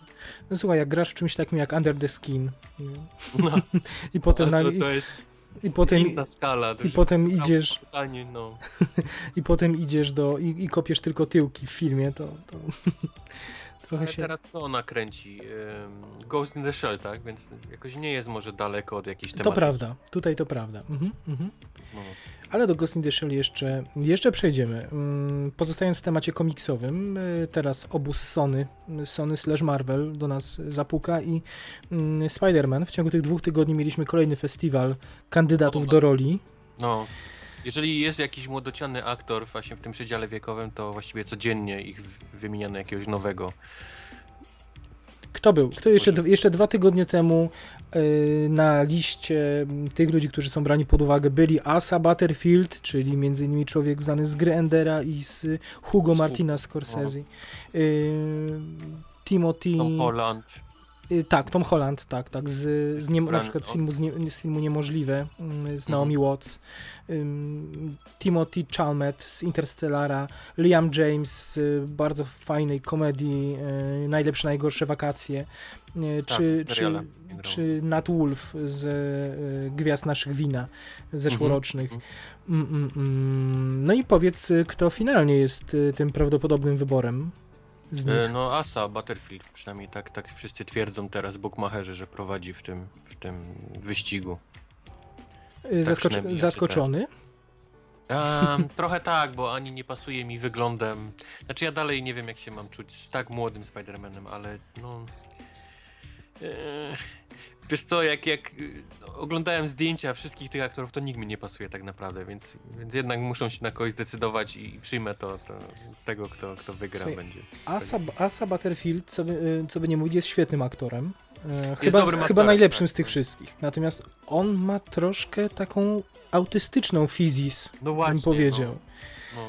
To nie jest taki zadziorny, nonszalancki, no, nastolatek. Nie jest, właśnie no nie wygląda. No. On ma twarz 30-latka. Znaczy on jest tak, taką smutną, ma te oczy smutne ma takie, że no, no nie wiem. Z kolei Tom Holland też wygląda bardziej na takiego e, szkolnego bully niż jakiegoś takiego nerda, Mhm. który, który wyrasta na, na, na pająka. E, Timothy Chalamet też, też jakoś nie do końca jest takim... No nie wiem, no żadna z tych, żaden z tych aktorów jakoś mi nie pasuje do, do, do, do roli No, człowieka pająka. Słuchaj, paradoksalnie ten Nat Wolf z Gwiazd Naszych Wina, on ma taki zadziorny uśmieszek trochę. No tak, to, to z tego, co pamiętam. To z tych wszystkich to, to jeszcze on, no. Tylko on jest z kolei y, za stary, bo on ma gdzieś Za stary. 20 lat, więc to chyba nie jest ten, ten pomysł. y, y, No, jeśli mają faktycznie długofalowo kontynuować tą, tą serię. Oni się muszą szybko zdecydować, bo, bo ruszyły już plany do, do Civil War, a, a jak wiemy, potwierdzono już, Marvel potwierdził, że Spider-Man będzie w Civil War, więc oni muszą to jakoś zrobić teraz. Tam jeszcze przy okazji premiery um, Czasu Ultrona ktoś taki jak Billy Unger y, y, y, poinformował, y, pojawiły się zdjęcia tego młodego chłopaka na, y, na jego koncie na Twitterze i z, jakich, z jakichś przyczyn on użył hashtagu Spider-Man. Więc, y, ale być może to była autopromocja i tylko po to, żeby ktoś o tym napisał, więc faktycznie media napisały, ale, ale, ale to wszystko. Jak się, jak się wypromować w Hollywood, tak? Tak, tak. hashtaga Hashtag z filmem, którym nie będę brał udziału na, na 100%. Na premierze Ultrona, tak. tak. No, Ale oprócz aktorskiego Spidermana, mm, to jest świeżynka, mm, Chris Miller i Phil Lord, y, moi ulubieni, mają stworzyć, czego nie mają nie stworzyć dla Sony, oni już wszystko robią w Sony, o, y, mają zrobić animowanego Spidermana. Mhm, mhm. Y, Nie wiem, y, czy to miałoby być coś takiego ala Lego, czy coś bardziej poważnego, jak, jak sądzisz? O, Ciężko mi właśnie powiedzieć, no bo patrząc na ludzi, którzy zrobili Lego, można by się spodziewać, że to będzie jakiś bardzo humorystyczny i, i ja bym takiego chciał, żeby był bardzo śmieszny, rysunkowy Spider-Man, taki do, do, do łez, żebym się śmiał na nich. Nie wiem, nie wiem. Tak, Pre- tak ja strzelam. Premiera zaplanowana na, zaplanowana na 20 lipca 2018, tak? Tak, No. 2018. Patrz, to, to też w okolicach chyba drugiej części Lego The Movie, także to się Mhm. wszystko będzie tam Mhm. kotłować. I przecież Lego jest robione dla Warnera, tutaj dla Sony. No ci gości już no, wszystkie będą franczyzy obskakiwać. Do tego mają Ghostbustersów, do tego mają 20, 21 i 22 Jump Street, które też y, według wczorajszych newsów ma być To jest też y, ciekawe, no. franczyzą, która obejmie Osobnym już... uniwersum. No. Tak, która nie dość, że, że obejmie facetów w czerni, o których już mówiliśmy, to ma być też y, żeńska wersja, w której Mhm. miałaby być Dakota Johnson, y, gdzieś tam, która mignęła w epizodzie żeńskim w pi- pierwszej bodaj, bodaj części. No, Sony błądzi, odrobinę błądzi, ale fajni ludzie za tym stoją, więc myślę, że będzie sympatyczna komedia o Spider-Manie. Ja bym chciał, żeby, żeby to wyglądało tak, jak wyglądał Batman w Lego The Movie, Mhm. czyli tak strasznie przemądrzały koleś, który nawet jak nie trafił 30 razy tym swoim batarangiem, to za tym 31 powiedział, że za pierwszym razem. Więc to, tak, takiego spodziewam się Spidermana, nie? trochę przemądrzałego, cały, cały czas żartującego i takiego trochę fajtłapę, o.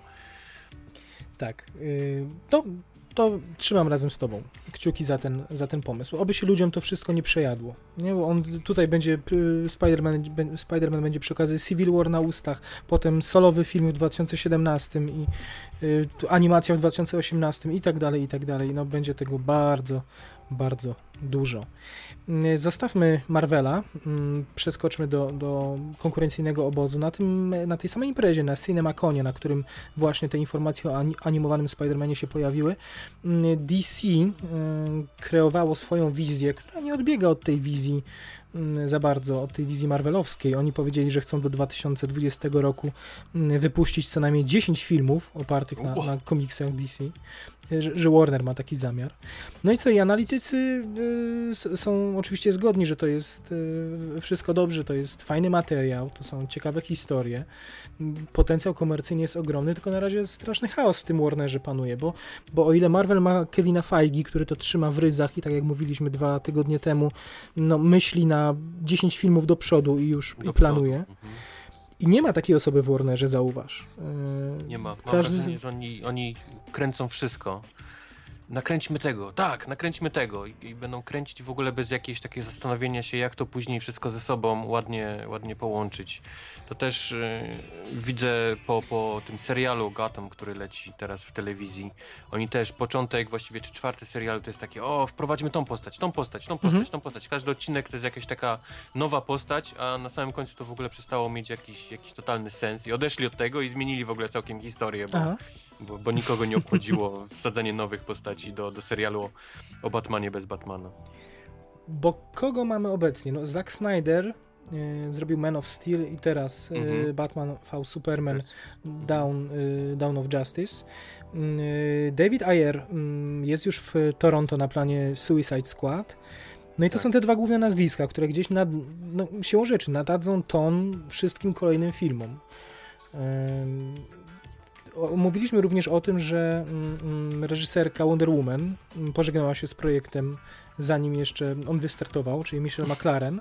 Mhm. Za kamerą stanie Patty Jenkins, czyli troszkę wykrakaliśmy, bo śmialiśmy się, znaczy Tak. przywoływaliśmy Tora drugiego, z którego Patty Jenkins, Tak. z którym się rozstała, zanim jeszcze zaczęły się zdjęcia i, i no, pozyskało ją konkurencyjne, konkurencyjne Tak, tak studio. ładnie przeskakują ten wszyscy tak na kolejne projekty, się tak przesuwa cała ta linia filmów i, i reżyserów. No widzisz, próbują tą, tą kobietę wcisnąć do kina superbohaterskiego. Próbują. Znowu był w No. ciągu ostatnich dwóch tygodni news o Angelinie Jolie i o Captain Marvel, także to gdzieś kotłuje cały czas i próbują za wszelką, za wszelką cenę.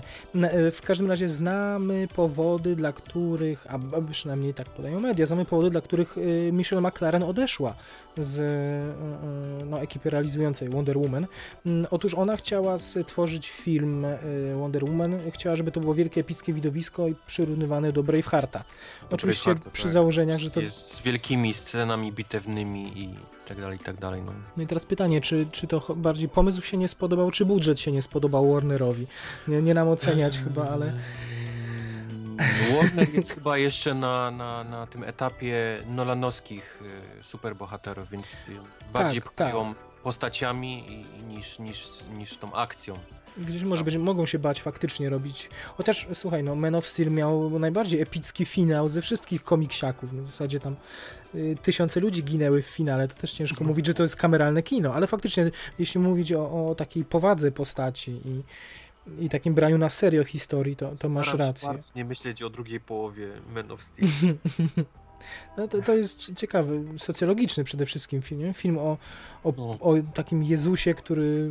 Który niszczy właściwie Niszczy-. Tak, tak, tak. Y, Ale y, nie schodźmy może na temat Man of Steel, chociaż nie. bardzo bym chciał, bardzo bym chciał, bo, bo lubię o nim rozmawiać. To, to jeden z tych filmów, które dzielą i, i jest y, kupa fajnych wniosków do, do, do debatowania na ich temat. Wróćmy do, do Patty Jenkins, do Michelle McLaren Mm, i odnośnie tego bajzlu, który jest w Warnerze. Oni mniej więcej ich pomysł na kolejne filmy wygląda tak, że oni mm, kazali napisać pięciu scenarzystom zarys pierwszego aktu Wonder Woman. I sobie wybiorą potem, co im się najbardziej spodoba.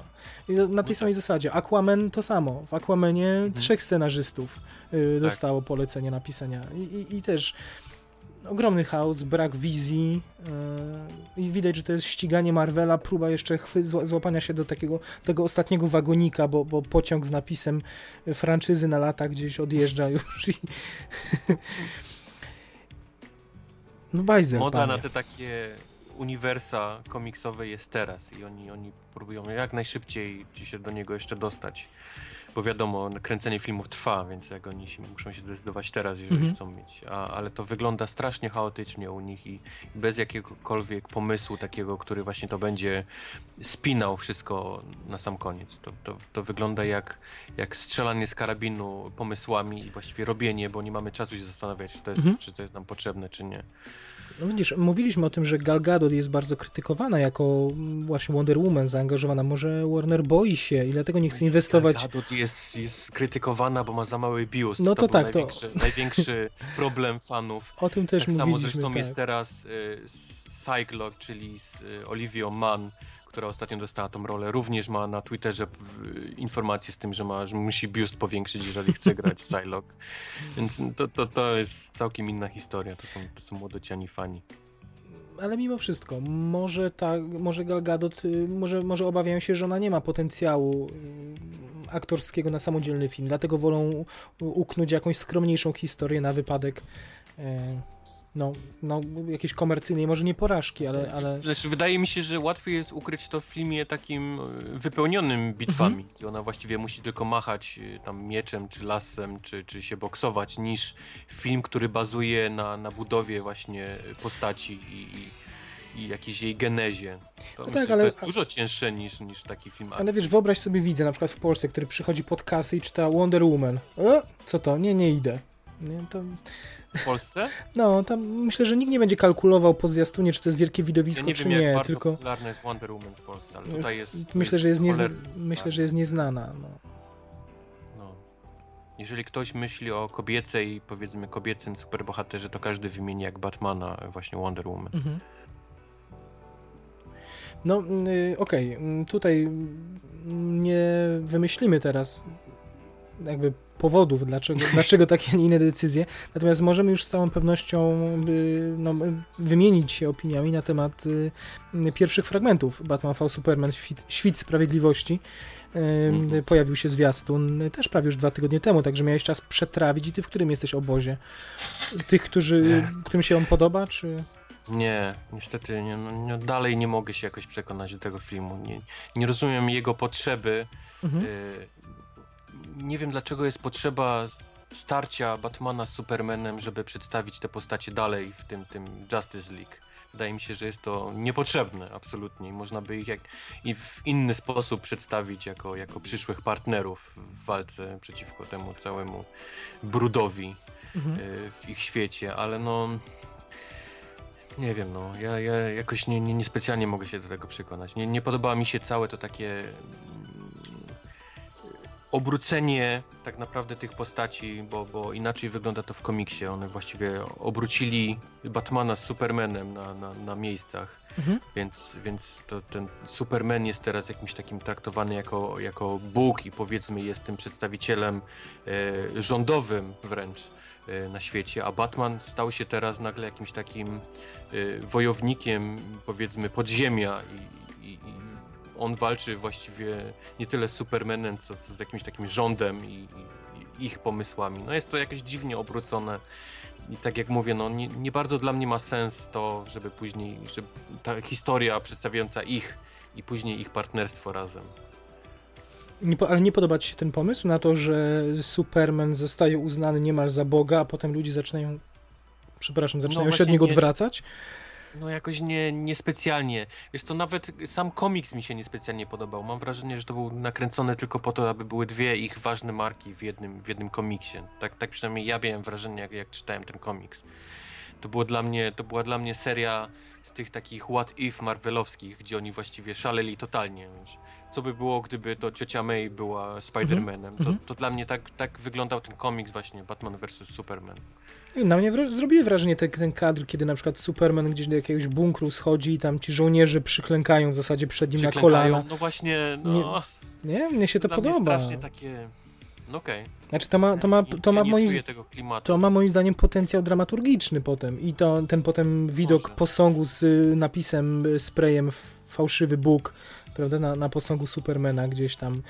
mm, Słyszałeś głos y, Lexa Lutora? Bo on też tam... On też jest tam narratorem, rozumiem, w tym zwiastunie, tak? Jest Czy nie? narratorem, Czy- ale a nie, nie, wszystkiego. nie wszystkiego, ma, bo tam- Chyba zdanie albo dwa zdania. Nie, to nie wyłapałem. Tam bardziej słyszałem y, Alfreda, czyli lokaja Batmana, prawda, który tam Ale, ale Will, Willem Dafoe gra. Mhm. Mhm. Dwa zdania chyba padają właśnie od Lexa Lutora i głos mi nie pasuje dalej do, do Lexa Okej. Lutora. To jest, to jest dalej koleś taki z Zombieland albo, albo z jakichś tych innych takich pomniejszych filmów. No, biorę pod uwagę to, że ja siedzę bardziej w Marvelu niż DC. Jasne. Nie, nie znam dobrze DC tak jak znam Marvel. Znam bardzo dobrze Batmana, ale nie znam powiedzmy innych Mhm. y, tak dobrze jak, jak, jak ogarniam No tak. Marvel, więc może to mnie jakoś tak nie, nie chwyta za serce, jakby, jakby to było marvelowską rzecz, ale ale no po drugie nie pas... Bat, y, Batfleck, ja go nazywam Batfleck, Mhm. ale o, o Benie Afflecku Mhm. totalnie nie, nie pasuje mi na, na Batmana.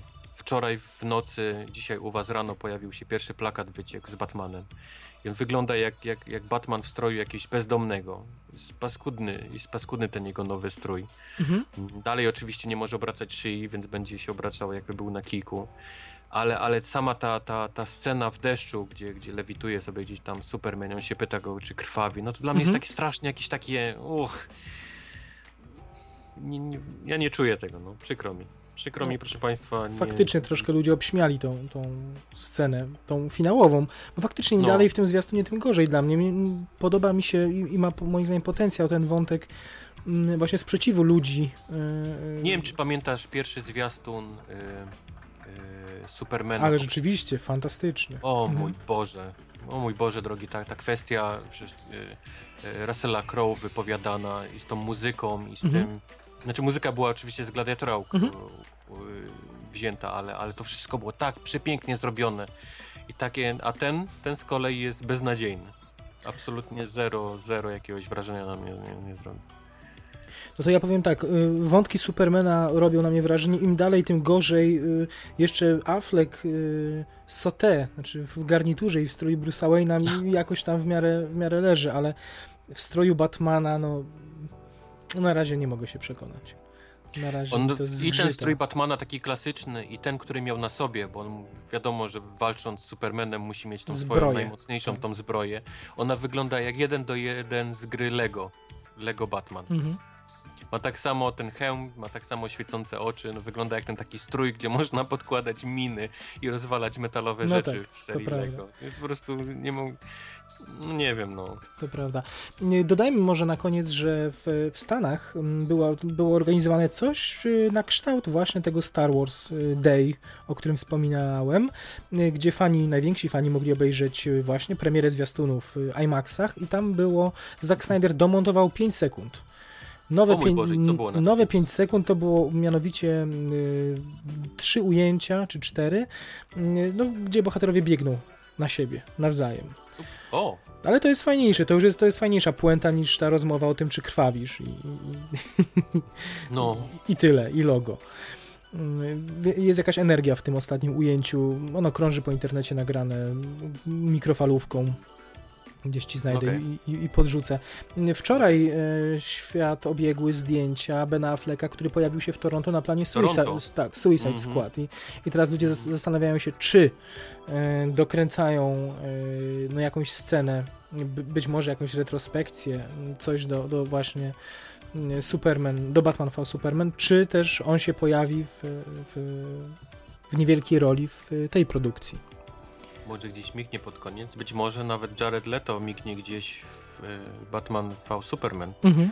No właśnie, bo to właśnie, może, może, może oni dwaj dokręcają. Bo to jest dalej ten sam problem, o których mówimy, że oni to kręcą bez pomysłu i na sam koniec dokręcają jakieś sceny i to łączą tak Mhm. na szybko z szywaczem jakimś.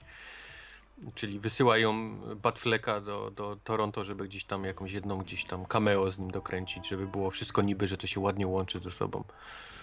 No to y, Marvel momentami też y, tak sobie próbuje radzić, to też Tak nie można było, no. powiedzieć, y, też zdarza im się nerwowo gdzieś dokręcać coś, to, to nie możemy powiedzieć mm, tak, tak, ale ym, zdjęcia również pojawiły się Willa Smitha, teraz będziemy zalewani tymi fo- fotkami. Jego pierwsze zdjęcia y, jako Deadshot y, wygląda trochę jak hmm, jak Alphonse, bym powiedział. No właśnie, wygląda strasznie dziwnie. Nie, trochę też mnie martwi właśnie ich te stroje wszystkie, bo, bo zarówno, będziemy o tym mówić pewnie zaraz, sam, sam Joker, wygląd Jokera, jak, Mhm. jak i reszta tych, tych strojów, które zaczynają się pojawiać, no trochę, trochę zaczyna mnie martwić, bo to wygląda tak... Wszyscy wyglądają właśnie jak jakiś tacy Alfonsi, albo, albo kolesie w więzieniu siedzący i robiący sobie tatuaże, jakieś byle co, no. No nie wiem, nie wiem, ja tak jak jeszcze raz podkreślę, żeby ludzie się nie denerwowali, ja, ja trochę hejtuję DC, bo, bo siedzę w innym świecie, ale no... Martwi mnie trochę na jak na razie to, co widzę po tym, co oni kręcą. Bo powiedzmy Will Smith y, właśnie w roli Deadshota wygląda tak, że ma skórzane rurki, ma, Mhm. go, ma golf wsadzony w, w spodnie, ma krzy, krzyżyk na szyi, do tego ma brązowy skórzany płaszcz do kolan i kapelusz. I, I jakieś- kapelusz, no. I buty z jakimiś ostrogami do tego. No, no, No tak. jakiegoś takiego kowboja z niego zrobili. Znaczy miejmy nadzieję, że to są jakieś może właśnie y, początkowe sceny przed przeobrażeniem się. No, no, no nie wiem, nie wiem. Dziwnie. Bardzo budżetowo bym powiedział to wygląda. Y, Przy, przypomnijmy na tym, w tym miejscu może jaka jest obsada, bo, bo aż roi się od fajnych, sympatycznych U. ludzi. Oprócz Willa Smitha, Margot robi w roli Harley Quinn. Y, Mniej, mniej przez nas lubiany Jay Courtney jako kapitan Boomerang. Jay Hernandez, El Diablo, y, Cara Delevingne, tak? Mówi się ta Cara słynna Delevingne, y, modelka już teraz Modelka. jako Enchant, y, Enchantress. Enchantness. Enchantness. Enchantness. Joel, Joel Kinnaman, o którym jeszcze dzisiaj powiemy, jako Rick Flag. Bardzo go Tak, czyli polubiłem. przywódca tej całej Mhm. grupy. Mhm.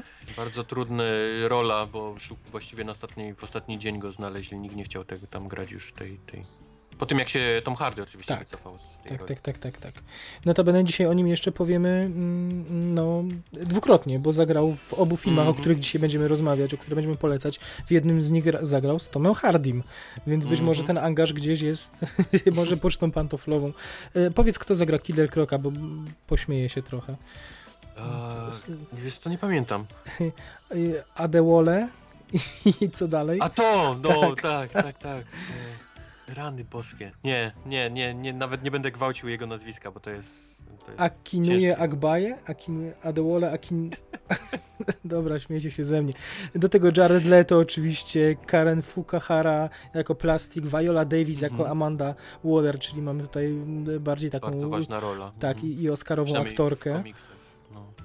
Y, I, i, I jeszcze kilku aktorów, których ro, role są niepotwierdzone, jak y, Ika Barinholtz, który miałby być Hugo Strange'em na przykład, albo Jim Parak, który miałby być y, Deathstroke'iem, to jeszcze nie jest, nie jest potwierdzone. David Ayer, reżyser Fury, między innymi reżyseruje Suicide y, Squad. Y, O Jokerze chciałeś jeszcze coś powiedzieć. Mieliśmy istną epopeję w ostatnich dwóch tygodniach. Mhm. Jakieś, część fotek było oficjalnych, część fotek zrobionych przez fanów. Rzekomo Jared Leto chwalił się gdzieś w jakiejś galerii handlowej na, na obiedzie w fast foodzie, pokazywał komuś swoje zdjęcie w pełnym make-upie i ktoś z daleka uchwycił to, to zdjęcie, Tak, zdjęcie smartfona, na którym było zdjęcie.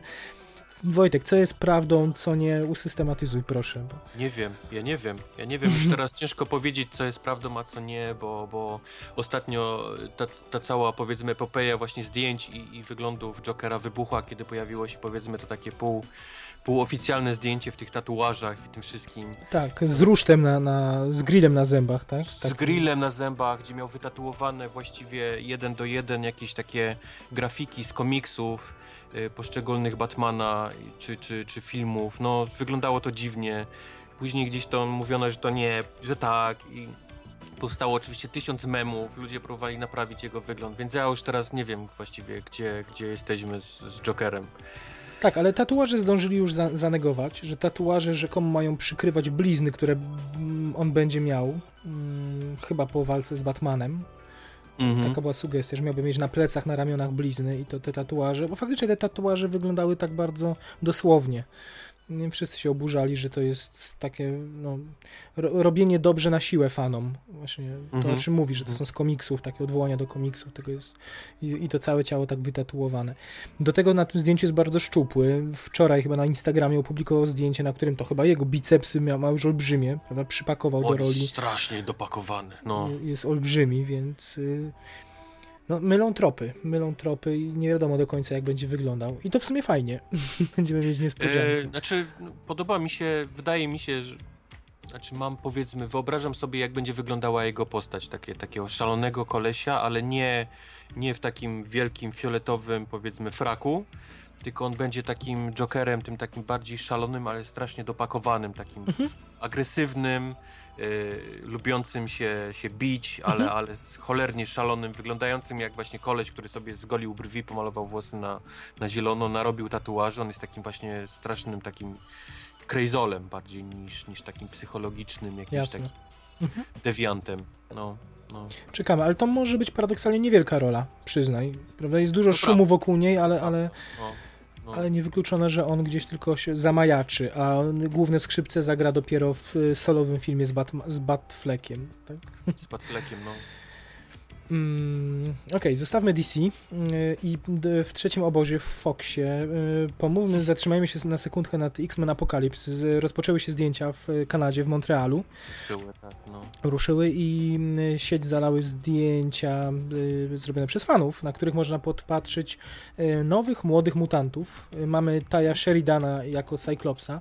To jest chłopak, mm. którego bardzo lubię po filmie Uciekinier, czyli Mad tak, z tak, Matthew tak. McConaughey jest y, Jean Grey, czyli Sophie Turner, czyli y, kogo gra w Grze o Tron, przypomnij mi.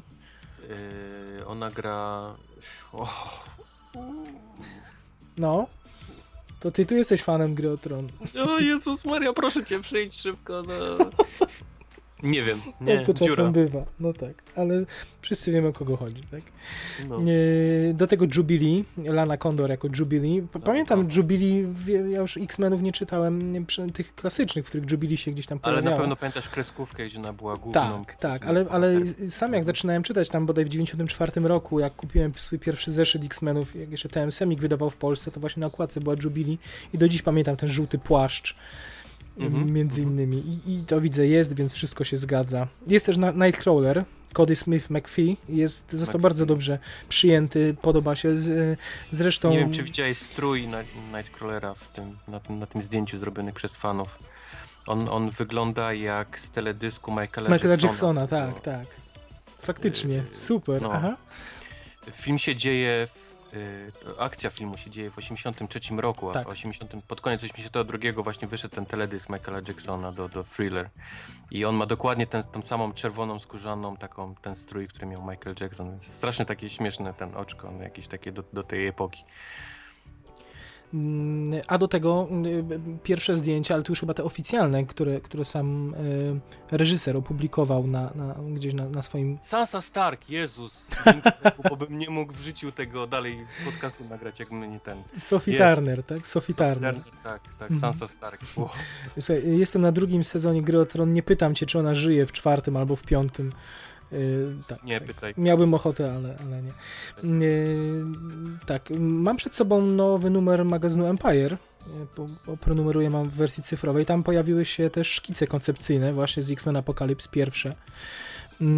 Ciekawe, bo widzimy tam na przykład starożytny Egipt, czyli Mhm. gdzieś będzie nawiązanie do, do tej sceny, która była po napisach w X-Men, przeszłość, która, która nadejdzie.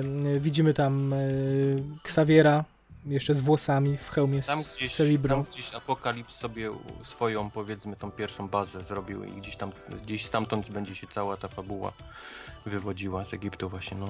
A, a jeszcze mówiłem o tym, że, że właśnie reżyser y, Brian Singer opublikował sam zdjęcia y, z premiery Powrotu Jedi. Znaczy w tym filmie będzie w 2003 roku będzie premiera Powrotu Jedi. Gdzieś to jako element Tak. scenografii to kino się pojawi. To były jego, jego pierwsze zdjęcia z planu. Fajna rzecz. Sympatyczna. Y, o- A ogólnie o całym filmie X-Men Apocalypse, y, ponieważ coraz więcej y, no, wywiadów a propos jego się, się pojawia, mówią jako o wielkim filmie katastroficznym na, na taką skalę, na jaką jeszcze w X-Menach, jakiej jeszcze w X-Menach nie widzieliśmy. Mhm. Y, No, Simon Kimberg właśnie podkreśla, że y, on razem z Oscarem Isaaciem, który gra, Apok- gra Apokalips, mówią, że, że bardzo fajnym zabiegiem będzie kompletowanie czterech jeźdźców Apokalipsy, bo ten Apokalips Mhm. ma jakiś takich... Oni zresztą zamajaczyli na koniach w tej scenie po napisach, do której się odwołuje y, w tym w X-Men Days of Future Past. I mówią, że, że sposób, w jaki będą pozyskiwać tych jeźdźców, to, który będzie częścią fabuły, będzie bardzo interesujący, że tam będzie coś, coś na zasadzie kultu. Yy, Będą szukać ludzi, którzy będą cierpieć na czegoś brak i, Apokalips będzie im oferował, oferował spełnienie. Mhm. I yy, gdzieś się spekuluje, że jednym z tych jeźdźców miałby być Wolverine. W ogóle to Ulala, takie coś rzucono w eter. no, Yy, No, zobaczymy, zobaczymy. zobaczymy, Yy, no. Wiesz, miotają po tych wszystkich płaszczyznach czasowych, on może być zmęczony, nie wiem, zasmucony kondycją ludzko ludzkości, gdzieś go może kupić tam. Yy, W, każdym razie, oprócz tego, yy, no, Singer mówi też o, o losie całego uniwersum i pojawiają się informacje, że, że ten film miałby zamknąć yy, i i, no, je- jednoznacznie pożegnać nas z bohaterami, którzy są z nami od lat 15. Ten film plus trzeci Wolverine. Że trzeci Tak. Wolverine samodzielny miałby być pożegnaniem z Loganem i z Hugh Jackmanem, a tutaj po raz ostatni mielibyśmy zobaczyć aktorów, tych, którzy, którzy byli, grali starsze wersje. Ja jestem, jestem ciekaw, jak oni dalej to widzą, bo mają, mają, żegnają tych starszych aktorów, do których jesteśmy przyzwyczajeni.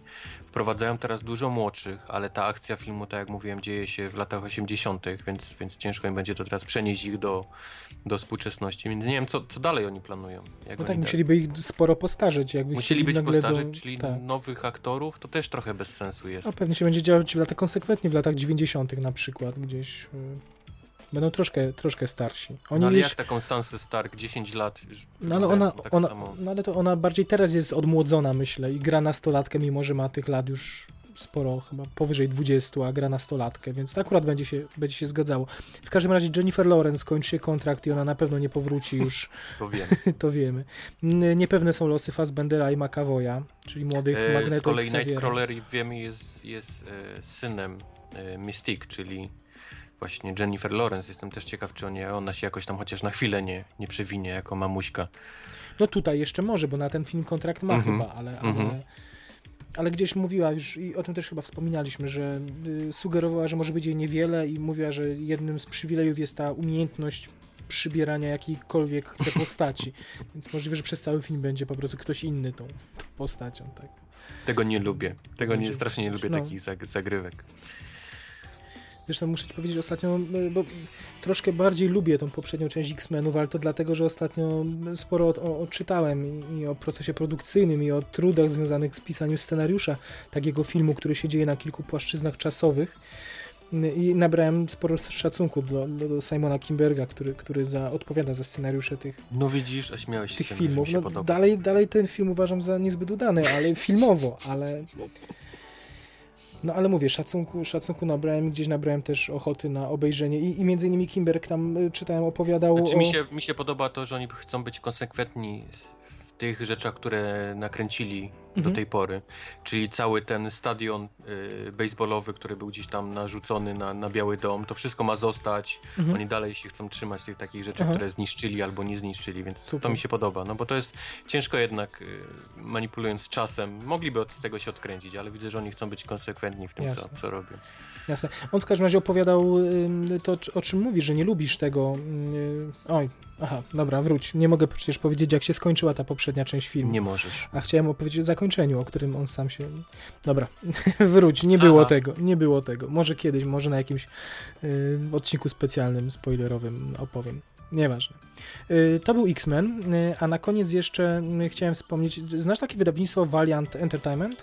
Komiksowe? Eee, znam, oni są dość, dość znani, no. Zwłaszcza z, chyba z dwóch czy trzech serii.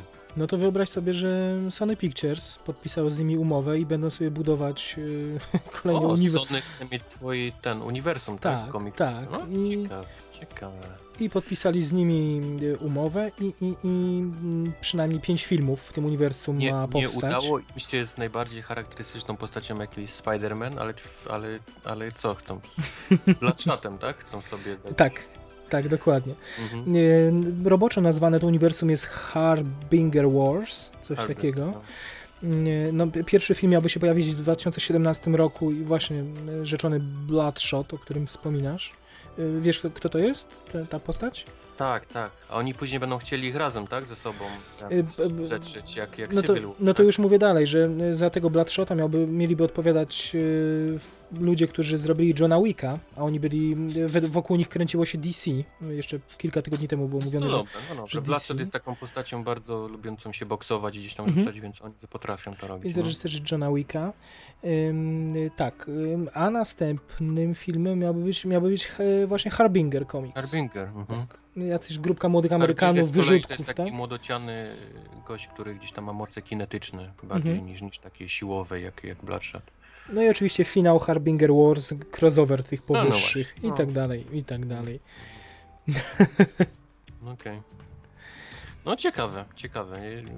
Widzę, że chcą się zmierzyć może z czymś bardziej, znaczy mniej popularnym niż Spider-Man, czyli takim, gdzie, gdzie nie obrażą tylu osób, tak? No zobaczymy. A do tego, wiesz, będą mieć pełną kontrolę, bo widzisz, no, ze Spider, Spider-Manem musieli się podzielić, więc y, no, chcą mieć własnego komiksiaka, za który będą odpowiadać od początku do No ale końca. mówię o tym okresie, kiedy nie musieli się dzielić A, w tym sensie, no tak, był tak, cały tak. ich i nie udało im się, Mhm. kilka razy nawet y, próbowali, im Jasne. się nie udało, więc, więc może chcą się teraz zabrać za coś mniejszego i, i, takiego, co właśnie Mhm. nie, nie będzie tak kłuło w oczy jak, jak, jak Spider-Man. No tak, a my przed dealem z Marvelem planowali uniwersum całe Spidermana, Sinister Six i tak dalej, i tak dalej, no ale teraz po tym dealu, gdzie, gdzie już No tak. więcej do powiedzenia ma Feige, raczej nie pozwolą im tak bardzo szaleć i, i to wszystko będzie... Zresztą Feige będzie producentem tych, tych filmów dla Ten cały Sony. film, ostatni Spider-Man jest do wyrzucenia przez ten cały deal. Ten, ten całe to takie Całe- właśnie budowanie Tak, tej tak. akcji Znaczy do, oba, do obie te, tak, tak, tak. No, jest, jest totalnie teraz do wyrzucenia Jasne. do śmieci. Jasne, jasne. Dobra, zostawmy komiksy. Mm, Wojtek, Ryan Gosling, twój ulubiony aktor. Y, y, Cały czas, cały czas mam nadzieję, że to co mówiłeś, że oni się rozstali z... Iwo z- Mendes, Z tak? Iwo Mendes, to jest prawda, tak. W każdym razie Ryan Gosling, y, ulubieniec również wszystkich moich koleżanek z pracy, dopina kontrakt na główną rolę w y, Łowcy Androidów, czę- Mhm, części drugiej.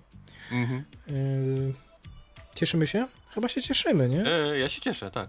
Goslinga uwielbiam, bez żadnych jakichś tam, wiesz... e, no, no.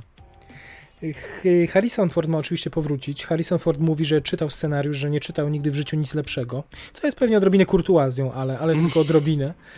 Mm, y, Fajnie, że wraca, fajnie, że nie próbują robić jakiegoś retro stylu, czyli wracać do jakichś tam lat 80. Tak, to się ma dziać parę dekad tylko, później. Mhm. Tylko przesuwają się tam gdzieś do Los Angeles w 2019, czyli jakieś takie niby niedaleko, ale, Mhm. ale czuję, że to będzie jakiś taki postapokaliptyczny, jeszcze bardziej powiedzmy cybernetyczny, ale jeszcze bardziej wyniszczony świat niż, niż widzieliśmy No i do tego nie muszą się też odwoływać do stylistyki wizualnej, mogą no poszaleć, właśnie, to też no fajne, właśnie, nie? no, Mhm. dlatego mówię, że nie muszą jakoś wracać do retro, tylko mogą sobie poszaleć i jakieś takie wodze fantazji gdzieś tam wypuścić z tym całym No i kochaniem. najważniejsze, przypomnij, kto jest reżyserem.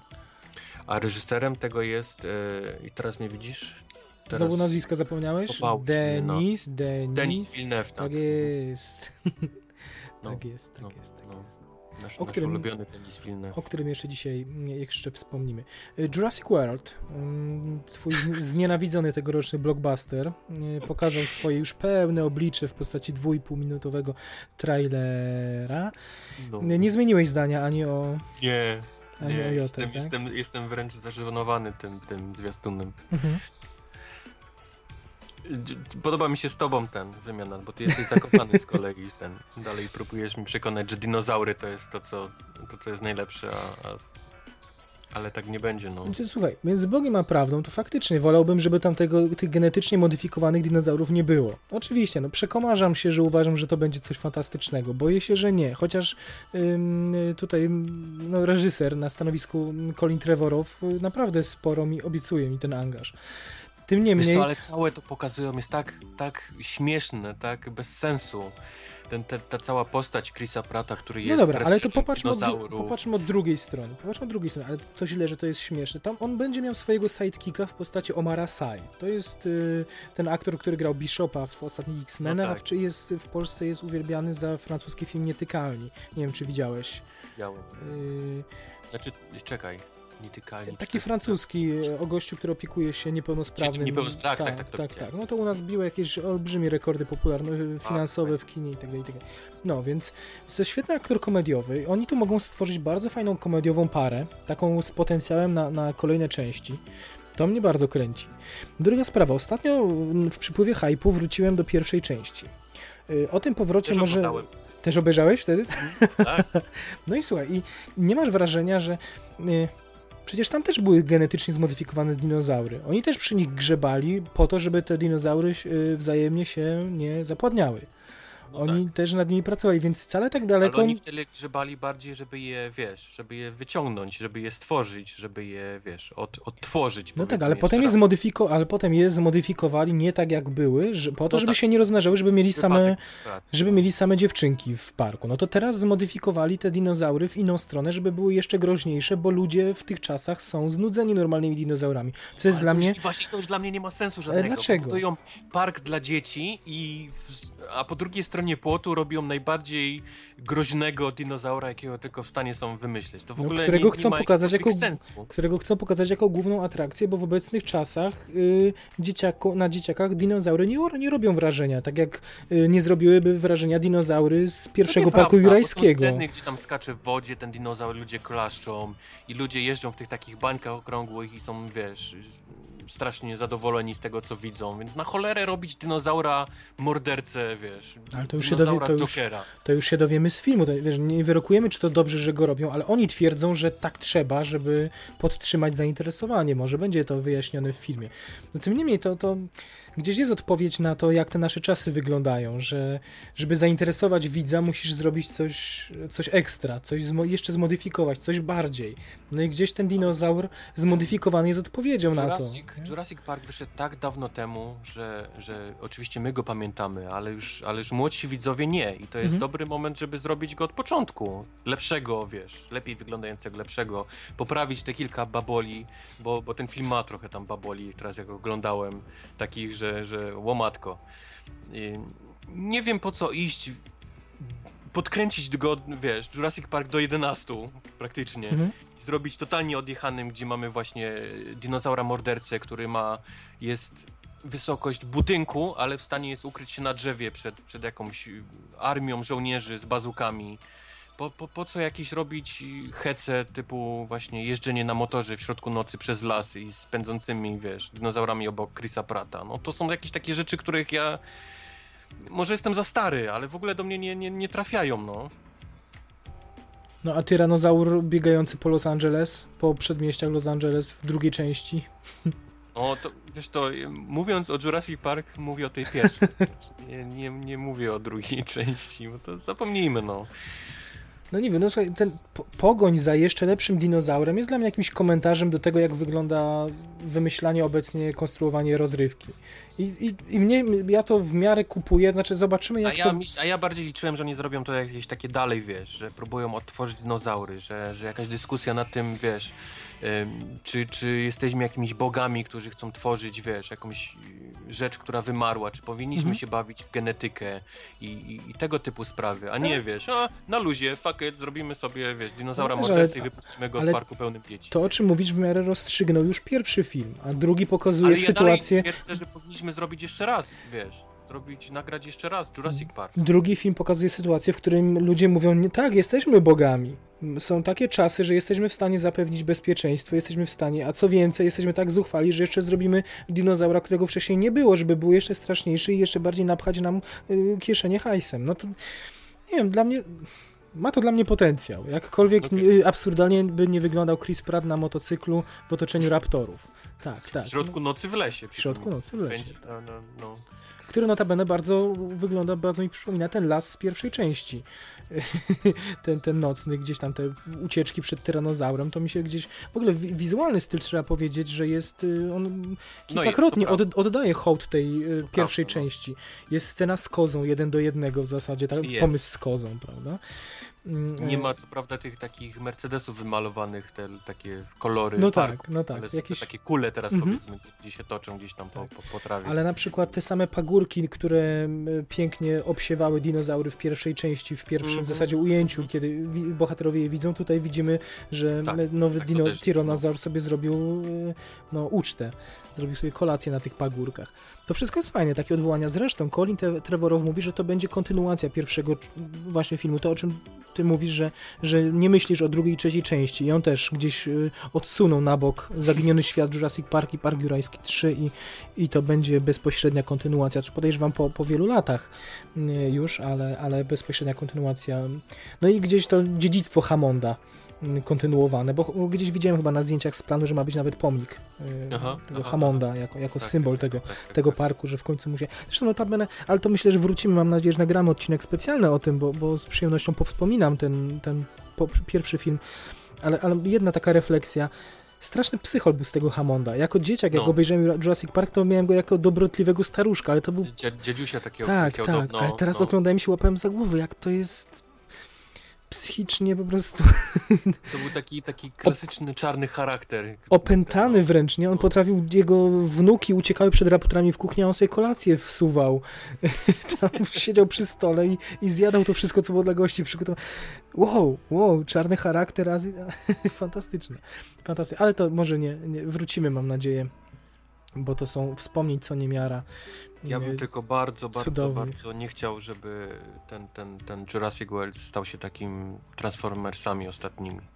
Żeby to nie był ten, ten, Mhm. ta skala porażki. Mhm, mhm. No nie, nie. Myślę, że producent, bym powiedział, producent, Spielberg jako producent tego nie gwarantuje, bo Spielberg też stoi No. na tylnym siedzeniu Transformersów i widzimy, jak to się kończy. No, Ale Colin Trevorrow to, myślę, gwarantuje. No, i wrócimy do tematu. Wrócimy do tematu. Kraina Jutra, Tomorrowland, tak unikaliśmy trochę Mhm. tematu, matu, tego tematu i wyszedł pierwszy, drugi, trzeci w końcu zwiastun. To jest film, który robi Brad Bird, Mhm. człowiek odpowiedzialny za, za między innymi za I nie ma mocnych, a ostatnio za Mission Impossible 4. Człowiek, który o mało co nie dostał angażu y, na stałego reżysera y, Gwiezdnych Wojen, epizodu siódmego tak. ale właśnie przez lojalność do, Dis do, do Disneya, któremu jakby no, obiecał realizację Krainy Jutra, no nie, nie, nie podjął się tamtego, tamtego wyzwania. Na papierze brzmi yy, przeciętnie, bo to jest ekranizacja parku rozrywki. Tak jak Tak. Piraci z Karaibów byli Tak. ekranizacją atrakcji turystycznej. Yy, Ale w tym wypadku możemy być raczej spokojni, bo, Brad Bird mówi, że no dzięki temu miał czystą kartę, że miał jakiś e, zarys stylistyki i to wszystko. I mógł zrobić e, film science, science fiction. e, bez żadnego obciążenia, żadną franczyzą. To akurat witamy za każdym razem z otwartymi ramionami, prawda? To prawda. Znaczy witamy z ramionami otwartymi w wypadku Interstellar, z mniej otwartymi w wypadku Transcendencji, ale, ale każdy świeży pomysł. Co, ja, co chciałem powiedzieć odnośnie tych, tej kampanii reklamowej, która jest prowadzona, film z, będzie za niewiele ponad miesiąc i tak naprawdę niewiele o nim wiemy, przyznaj. To też Bo- prawda, zwłaszcza, że wszystkie zwiastuny, które wypuścili do tej pory są bardzo podobne do siebie i Mhm. pokazują właściwie te same rzeczy. No No, tam parę szczegółów dodają za każdym razem, ale to jest zawsze ta, ta, ta sama scena na tym posterunku policji, gdzie ona tą pierwszą swoją tą odznakę e, dotyka i później wizyta w domu George'a Clooney'a i właściwie tyle. Właśnie ostatni trailer to jest w zasadzie jeden do jednego cał, cała długa scena, y, kiedy ona odwiedza Clooney'a. Clooney'a. No, Mhm, To jest mhm. półtorej minuty ze zwiastunu jest jedna scena. Też ciekawy pomysł. Jest, jest, jest e, właśnie ten, jest pokazane jak ona wygląda, gdy jest, trzyma tą monetę i jest w innym świecie, ale jest dalej tutaj, gdzieś tam włazi w jezioro Mhm. albo włazi w jakiś, jakiś budynek. I oczywiście ujęcie na ten taki roller coaster gdzieś tam w tym, w tym, w tym mieście takim i tyle. Jest, Tak, bo wiemy o tym, że ona jakąś monetę znajduje, którą kiedy dotyka, przenosi się do jakiegoś e, utopijnego świata, Świata, wizji tak. jakiegoś miasta, w którym prawdopodobnie Ale fizycznie jest dalej, w, Tak. dalej w tym powiedzmy na, na, na ziemi. I się no i- porusza i dalej Clooney ziemi. prawdopodobnie mają zabrać już realnie w tamto miejsce. Tak, tak. Ktoś, na nich, ktoś na nich poluje. Widzimy w zwiastunach, że, że rakieta, którą mają polecieć, jest ukryta w wieży Eiffla w ogóle. Bardzo fajny Mhm. pomysł. I, I jedna rzecz, która mnie, mnie zastanawia. Mm, mówiło się o tym, że to miałby być taki Harry Potter w y, przyszłości. To miasto, to, to miasto miałoby być taką, nie wiem, Mhm. akademią czy czymś, ale i zastanawiam się nad jednym, czy te budowa tych trailerów sugeruje, że to będzie tylko pierwszy, jeden z wielu filmów, w którym tak naprawdę tego Tomorrowland zobaczymy bardzo niewiele i jakby cały film będzie drogą do tego miasta, bo na to by wskazywał montaż tych zwiastunów. Możliwe. Prawda? Bo nie możliwe. mamy w ogóle ujęć z tego miasta, pojedyncze. Jest jedno właśnie, cały Tak. czas tylko na tą kolejkę taką górską i tyle. Więc no. być może będzie to cały jakiś y, film drogi, w którym oni się próbują dostać ze Stanów do Paryża, do tej rakiety, żeby w końcu polecieć w finale do tego miasta. A być może jest to, jest to tak fajnie poprowadzone, że, że na przekór y, obecnej modzie tworzenia zwiastunów nie chcą nam po prostu pokazać, czym jest ten film. I, i to by było fajne. I to by było fajne. To Y, prawda. no. jak najbardziej przy, przyklaskujemy takiemu pomysłowi. Muszę się przyznać, że obejrzałem też y, japońskie, japoński zwiastun. Właśnie z ciekawością, Japończycy mają tendencję do, do zdradzania wszystkiego na, na swoich zwiastunach. I y, tam pojawił się wątek, którego wcześniej nie znałem, mianowicie, że ma się tutaj pojawić sam Walt Disney. O, Tak, jako być może kreator. Zauważ, że to miasto wygląda mnie troszkę jak ten zamek Disneya, który jest na początku każdego filmu. Prawda? No mam nadzieję, że to się na końcu nie okaże znowu było wszystko snem, czy jak, jak tak jak ostatnio Snem lubią. nie, ale, ale oni, oni y, też w najnowszym Empire jest artykuł, w którym Brad Bird mówi, że stanęliśmy przed taką, taką wizją, że co by było, gdyby Walt Disney żył 20-30 lat dłużej i, i jakby cały czas prowadził tą swoją ekspansję, czy to za pomocą parków rozrywki, kina i tak dalej, i tak. Gdzieś, gdzieś no, takie tropy zostawia. Być może ten film właśnie pokazuje, że Walt Disney żyje do dziś i dokąd i w, i w przyszłości też Albo żyje. może wszystko się dzieje w głowie zamrożonego A. Walta Disneya. może. Może. Fajnie, czekamy, jestem bardzo ciekaw, to jest jeden z moich, moich największych tegorocznych, y, no, no nie, nie, nie ta skala co Gwiezdne Wojny myślę, ale No okej, już właśnie miałem pytać. nie, nie aż tak, ale, ale i z powodu muzyki Giacchino i Mhm. choćby czekam. Tak samo jak na Jurassic World, do którego też mój ukochany Michael Giacchino będzie muzykę komponował. Black Mess, co to jest Black Wojtek? Mess. Black Mess to jest em, przycisk restartujący karierę Johnny'ego Deppa. Tak się zapatrujesz? Tak, tak, mi, się- tak mi się wydaje. Warner no. pokazał pierwszy fragment filmu, którego premierę będzie miał już we wrześniu. Mhm. Mm, I jest, To jedna s- długa scena. Taki jest ostatnio moda na to, aby w zwiastunach pokazywać jedną całą długą scenę jakąś od początku do końca i tylko to. Więc tak mniej więcej wygląda właśnie zwiastun Black Mess. No i co? I widzimy tam y, jednego z najbardziej brutalnych gangsterów z Bostonu, Mhm. y, którego bratem jest y, senator, w tej roli Benedict Cumberbatch, Mhm. boski Benedict. Mhm. Y, I cała historia będzie się rozgrywała wokół tego, że on stał się informatorem FBI, y, Mhm. żeby zlikwidować konkurencję, potem FBI po likwidacji konkurencji y, tego Dobierz się rzeczonego do niego. dobierz się do niego i tak dalej, i tak dalej, i tak dalej.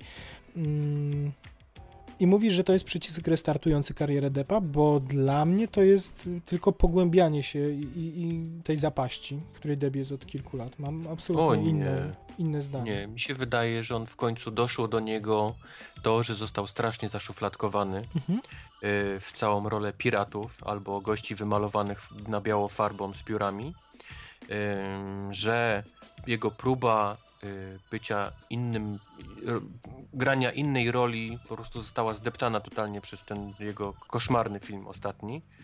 I to jest jego szansa, żeby pokazać, że on potrafi dalej grać i potrafi dobrze grać, i potrafi grać nie jakichś takich ludzi pustaków, tylko właśnie takie strasznie pokręcone, zagmatwane role gdzieś tam psychopatów i, i tak dalej, i tak dalej. I to jest ten jego przycisk do, do wydostania się z tej szuflady. No widzisz, a, a ja tam widziałem kolejną rolę opartą właśnie na przerysowaniu, na charakteryzacji, bo on tam ma łysinę, on tam ma jakieś soczewki No tak. kontaktowe. On znowu gra trochę, może nie aż tak na- nadekspresyjnie jak w poprzednich filmach, ale to jest dalej Johnny Depp dla mnie pajacujący na ekranie. Ale on nie mógłby wyglądać jak Johnny Depp, tak jak on wygląda normalnie, bo on, bo on jest zbyt charakterystyczny, wiesz. Ma zbyt charakterystyczny wygląd, żeby mógł wyglądać tak w filmie. On Ja rozumiem, się, ja rozumiem, ale to, jest, zmienić. ale to jest dla mnie dalej, dalej przerysowana kreacja. Znaczy sposób mówienia, to jak sobie on wymyślił tą postać, to dalej nie jest zniuansowana rzecz, tylko to jest dla mnie rzecz przerysowana. To jest znowu dla mnie robienie takiego teatrzyku. No okej. Mm. No widzisz, mamy kolejny film, na który będziemy czekać, Będziemy żeby się porównać kłócić. nasze ten, no. Y, A to jest niebezpieczne dla mnie, bo ale, ale dlatego mówię, że to nie będzie, wiesz, jego wydostanie się, tylko będzie jego próba, więc ja sobie Mhm. zastrzegam to, że jemu No tak. się może to nie udać No tak, i faktycznie no tak. będzie, tak jak mówisz, że, że będzie kolejną taką przerysowaną postacią y, zbyt bardzo, Mhm. wiesz, i, i znowu trafi do tej samej szuflady takich, takich, takich samych ról Ale właściwie. wiesz dlaczego to może to jest dla mnie niebezpieczne? Bo o ile pa, pajacowanie w Lone Ranger, czy w Piratach z Karaibów, czy nawet w tym Mor- to jest jedna i ta Mordekaju to jest jedna i ta sama postać, ale tam to A jest... do- Mordecai to jest w ogóle inny straszny Wiesz, ale, ale to jest, ale w tych filmach to jest dopuszczalne. Ale w filmie, który jest prawdziwą historią, który jest, ma być brutalny, poważny, pajacowanie to już jest zbrodnia, która kładzie film. I, no i, i tego się obawiam ja. No Znaczy, Ty mniej. on próbuje być takim Jokerem, nie? Próbuje zrobić Mhm. taką postać Jokera, która jest normalnym człowiekiem, ale ma jak, jest tak w środku, wiesz, zła i, i, i szalona, że, że, że to gdzieś się wydostaje, wiesz, przez, Mhm. przez niego. I jeżeli mu się to uda, to super, ale może właśnie się, wiesz, trafić na to, że będzie zbyt bardzo próbował być takim Jokerem, taką przerysowaną Mhm. postacią i, i, no, i, i mu się nie uda, no. Zobaczymy. Jasne. No to Ja czekam. mi się wydaje, że, że, że, że to jest właśnie jego taki moment, gdzie on albo się wydostanie, albo już na zawsze trafi do, No do, tak. do szuflady. No czekam na wrzesień, żeby, żeby skonfrontować. Z przyjemnością Bo wiemy, że wrócimy. on potrafi grać. Ja wiem, że on potrafi grać. Te wszystkie jego stare filmy, Doni Brasco i tak dalej. On jest świetnym No aktorem. tak, tylko naprawdę. się rozleniwił po prostu. No, Bo się rozleniwił w pewnym momencie, Disney go tak posypał pieniążkami, że, że przestał w ogóle dbać o to, co kręci, jak kręci, jak wygląda i, i no... Mam Teraz wiesz, ma, teraz- ma młodą żonę, kupił jej wyspę, musi za nią nadążać, nie ma czasu na pracę nad rolą. Nie bądź zazdrosny, też kiedyś wyspę ktoś kupi. W każdym bądź razie film ma niesamowitą obsadę, zaskakująco dobrą, nie? Bo tam, tam i, i, i Dakota Johnson jest, i jest Cumberbatch wspominany przez nas, i jest Juno Temple, którą ja po cichu Tak. kocham, jest, y, jest Edgerton, też się tam pojawia, jest Kevin Bacon, nagle potrafi znowu grać i tak dalej, i tak dalej, więc tam jest naprawdę spora, spora obsada. Sienna Miller do tego, która coraz Mhm. ma ciekawsze role. I, yy, no tak, no tak, to mm, no, celują w Oscary na pewno. Prawda? Myślisz, że to jest Oscarowy film? Nie, on nie wygląda mi na, Oscarową, na Oscarowy film. A mi wygląda, znaczy mi wygląda na celowanie w Oscary, a czy... I myślę, że kluczowy będzie Depp do położenia tego filmu albo do, do, do jego sukcesu. Yy, Zostawmy Black Mass w takim razie i y, jeszcze pozostając wśród zwiastunów, y, nie mogę cię nie zapytać o The Visit, o którym mówiliśmy już na odcinku, Mhm. y, na naszym zerowym odcinku, w którym opowiadaliśmy na to, na, na, o filmach, na które czekamy, bo The Visit Mhm. b- powraca do, do, do, na duży ekran M. Night Shyamalan. Obejrzałeś ten trailer? Tak. No i co sądzisz? Co to, w ogóle Jak powiedz, nie, co to jest. nie lubię, nie lubię horrorów, tak ten, na ten czekam z wywieszonym jęzorem. Powiedzmy, M. Night Shyamalan sobie nałożył tym razem y, no, kaganiec budżetowy. Widać, że to jest bardzo tani film. Oj tak, oj tak. Y, Troszkę mi się nie podoba to, że tani horror musi w ostatnich czasach oznaczać, że to musi być film w stylu found footage, czyli kręcony kamerą z ręki. Prawda. To też prawda, taka moda teraz jest, no. I, I tak on wygląda. Chociaż Jest, jak pokazuje ostatni ten horror Unfriended, który jest kręcony cały na Skype'ie, dalej jest to popularne, bo, bo ludziom się podoba. Mhm. Film cały nakręcony właściwie Skype'em, a, a, a, a ludzie chodzą i oglądają i cieszą się. I, I co tutaj mamy? Mamy rodzeństwo, które wyjeżdża do, w odwiedziny do swoich dziadków na, na farmę gdzieś w Pensylwanii. Mama gdzieś musi wyjechać i nie wie, co zrobić z dwójką swoich dzieci, więc wysyła ich do, do dziadków, u których dzieciaki nie były chyba nigdy z tego, jak to wygląda. I pierwszy dzień mija im fantastycznie, bo, bo dziadkowie okazują się kochani i tak dalej, i tak dalej. Problem zaczyna się wieczorem, gdy dziadek mówi, że muszą mi spać o 9.30 i żeby za wszelką cenę nie wychodzili po tej godzinie z domu. Oczywiście dzieci jak to dzieci, no muszą wyjść, nie? Bo 9.30 to one nie chodzą spać, a jeszcze jak coś hałasuje za drzwiami, no to, to trzeba zobaczyć co to jest. No i tu się zaczyna cała historia, bo, bo okazuje się, że babcia chyba nie jest do końca tak kochana, jakby się wydawało i ma jakieś problemy, nie wiadomo czy psychologiczne, czy natury ponadnaturalnej, na, Mhm. na, na to wygląda wręcz. Ale, ale wszystko no, no śmierdzi M. Night Shyamalanem z daleka, śmierdzi em, ludźmi od Paranormal Activity, bo też tam grzebali przy tym, więc to, to, to połączenie tych dwóch y, postaci no, no, no, pokazuje właśnie jak, jak to może wyglądać, jak, jak będzie wyglądał ten film. Mnie się to podoba, podobało mi się przede przede wszystkim scenografia. Bardzo mi się ten dom podobał i okolice, skąpane No, gdzieś w, śnie, w śniegu. właśnie- A z kolei dla mnie to wygląda zbyt budżetowo, bo mamy czterech aktorów i właściwie jeden dom i wszystko się dzieje w tym, więc No tak, ale, no tak, ale ta posiadłość w Pensylwanii miała swój urok po prostu. O, o to mi chodzi. Ta stodoła, ta studnia gdzieś, No, wszędzie, wszędzie stary- śnieg, to... jest skrzypiący dom w pośrodku niczego właściwie, nie? Nie, no nie, gdzieś się w tym środowisku, w tej, w tej scenerii, może nie zakochałem, ale, ale, ale spodobało mi się. O tyle roześmiałem się, jak zobaczyłem y, stojącą nago babcię tyłem i drapiącą drzwi. To mnie nie przestraszyło, tylko zacząłem się śmiać w tamtym momencie. To, to niedobre było, tak, tak. A, a mm. scena, gdzie babcia się buja na tym, na, na takim bujaku i, i kamera po, bardzo powoli podchodzi, żeby pokazać jej twarz, nie miałeś takiego... To już bardziej. To już bardziej i to jak dziadkowie stoją nad studnią i patrzą tam w, do środka, też było niezłe. Ja tylko no. naga babcia drapiąca w drzwi była, była przegięciem, ale... Ale czekamy, podoba mi się kampania reklamowa tego filmu, fajne plakaty. Yy na przykład liścik zostawiony na ciastkach od babci, albo jakaś na- wyszydełkowany zbiór zasad, no, które, no, które no. obowiązują w tym domu. Fajna rzecz. Spójna bardzo przede wszystkim. Yy, Czekamy, premiera we Widziałem wrześniu. Ten plakat, gdzie jest coś tam wyszyte, te, te Mhm. e, mm, że tam musisz mieć wspaniały czas u nas, Tak, musisz tak, jeść tak. to, co wiesz, to, co chcesz, ale, ale z kolei są odciśnięte krwawe ten, krwawe paluchy na tym, na tym wszystkim. Mhm, To gdzieś ten właśnie ten. Czyli super. Dziadkowie, którzy mordują gdzieś pod koniec. Premiera we wrześniu, czekamy. Ym, Flash Gordon, pamiętasz taki film? Flash Gordon. Śpie- Oczywiście, zaśpiewaj. że pamiętam. Zaśpiewaj tą piosenkę może. Flash. O. Dokładnie. W wykonaniu zespołu Queen, który zrobił cały soundtrack do tego cudownie fatalnego filmu, bo to jest Aha. film tak zły, że aż dobry, prawda? To chyba ten gatunek. Znaczy to jest film, który jak teraz oglądamy, to się dziwimy, że ja byłem w stanie go oglądać, ale dalej go kocham. Jeśli ktoś nie widział, niech puści sobie, jest trailer na YouTubie, Flash Gordon. Myśmy się po części na tym wychowali, bo wydaje mi się, że Flash Gordon leciał częściej niż Gwiezdne Wojny w polskiej Oj, telewizji. Flash Gordon leciał zawsze na Boże Narodzenie. Zawsze co roku leciał Flash Gordon y, w y, pierwszy dzień świąt rano. I, i, I scena, ta, nie wiem czy kojarzysz scenę, gdzie oni wkładają rękę w Oczywiście, to jest pierwsza, o której myślę. Pierwsza, o której myślę. Mamo! Ja mam dalej ciary Tak. na tej scenie.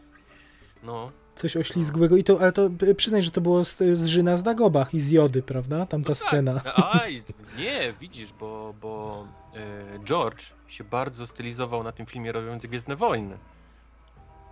To było, to była, to jest fundament George'a do Gwiezdnych Wojen. A, w ten sposób. Tak.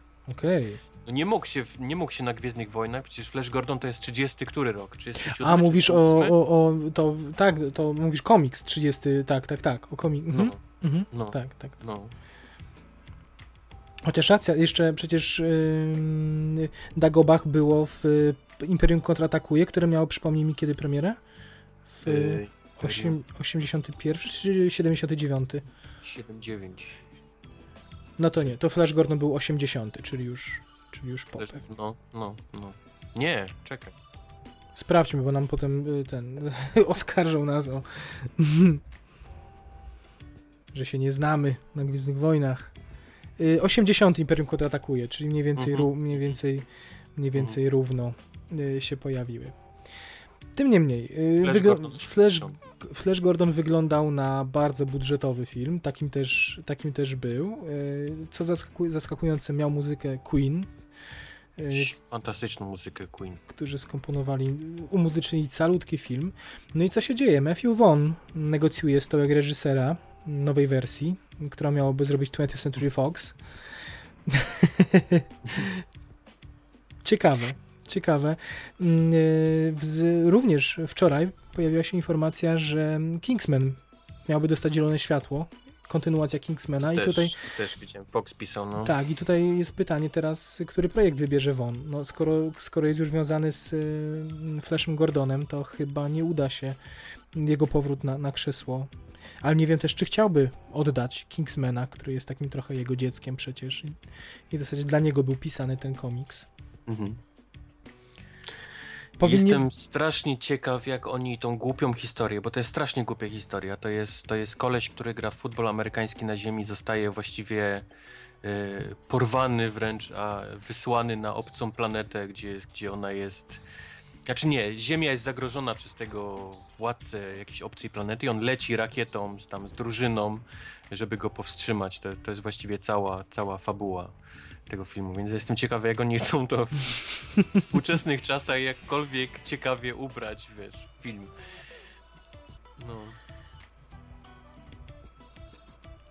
No nie wiem, nie wiem życzę, życzę powodzenia e, Matthew, bo, bo, to będzie, będzie, kawałek ciężkiego filmu. Ja pamiętam, że, ja pamiętam, że w Tedzie mm, był hołd dla Flasha Gordona, prawda? A tak, oczywiście. No, nawet w Tedzie 2 jest hołd dla ten, bo, bo dalej jest Flash Gordon daje ślub Tedowi i tej lasce okay, w Londynie. Okay. No. Ale oczywiście Ted i, i, i Marky Mark są, są ulubieńcami Flasha Gordona i też go zapraszają na imprezę do siebie, gdzie tam piją razem.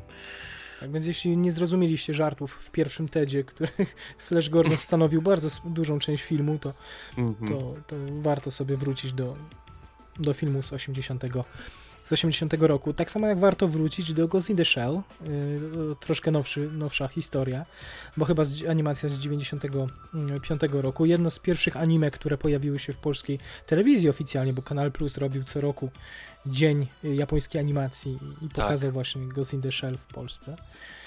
Biegało się potem z VHS-em od kolegi pożyczonym i oglądało przez przez cały rok. Króciutko, dowiedzieliśmy się tylko tyle, że mm, zdjęcia ruszają na początku znaczy nie, nie, przyszłego roku, styczeń albo luty tak, 2016 tak. tak. i wiemy tylko tyle, że Rupert Sanders y, reżyseruje, a premiera 14 kwietnia 2017 roku. Rupert mhm. Sanders to jest człowiek, który wsławił się rozbiciem związku Kristen Stewart i Roberta Pattinsona. Y, Dobrze być popularnym, nie? Tak, reżyser Królewny Śnieżki i Łowcy. Mm -hmm. Rzemieślnik raczej. Ciekawe, że akurat no. jego, jego wybrali do, do tej roli. Nie ma się co pastwić chyba. Jedźmy dalej, bo, bo, bo tak. Szkoda, że Scarlett Johansson jest w tym, bo, bo to śmierdzi Lucy mi kolejnym.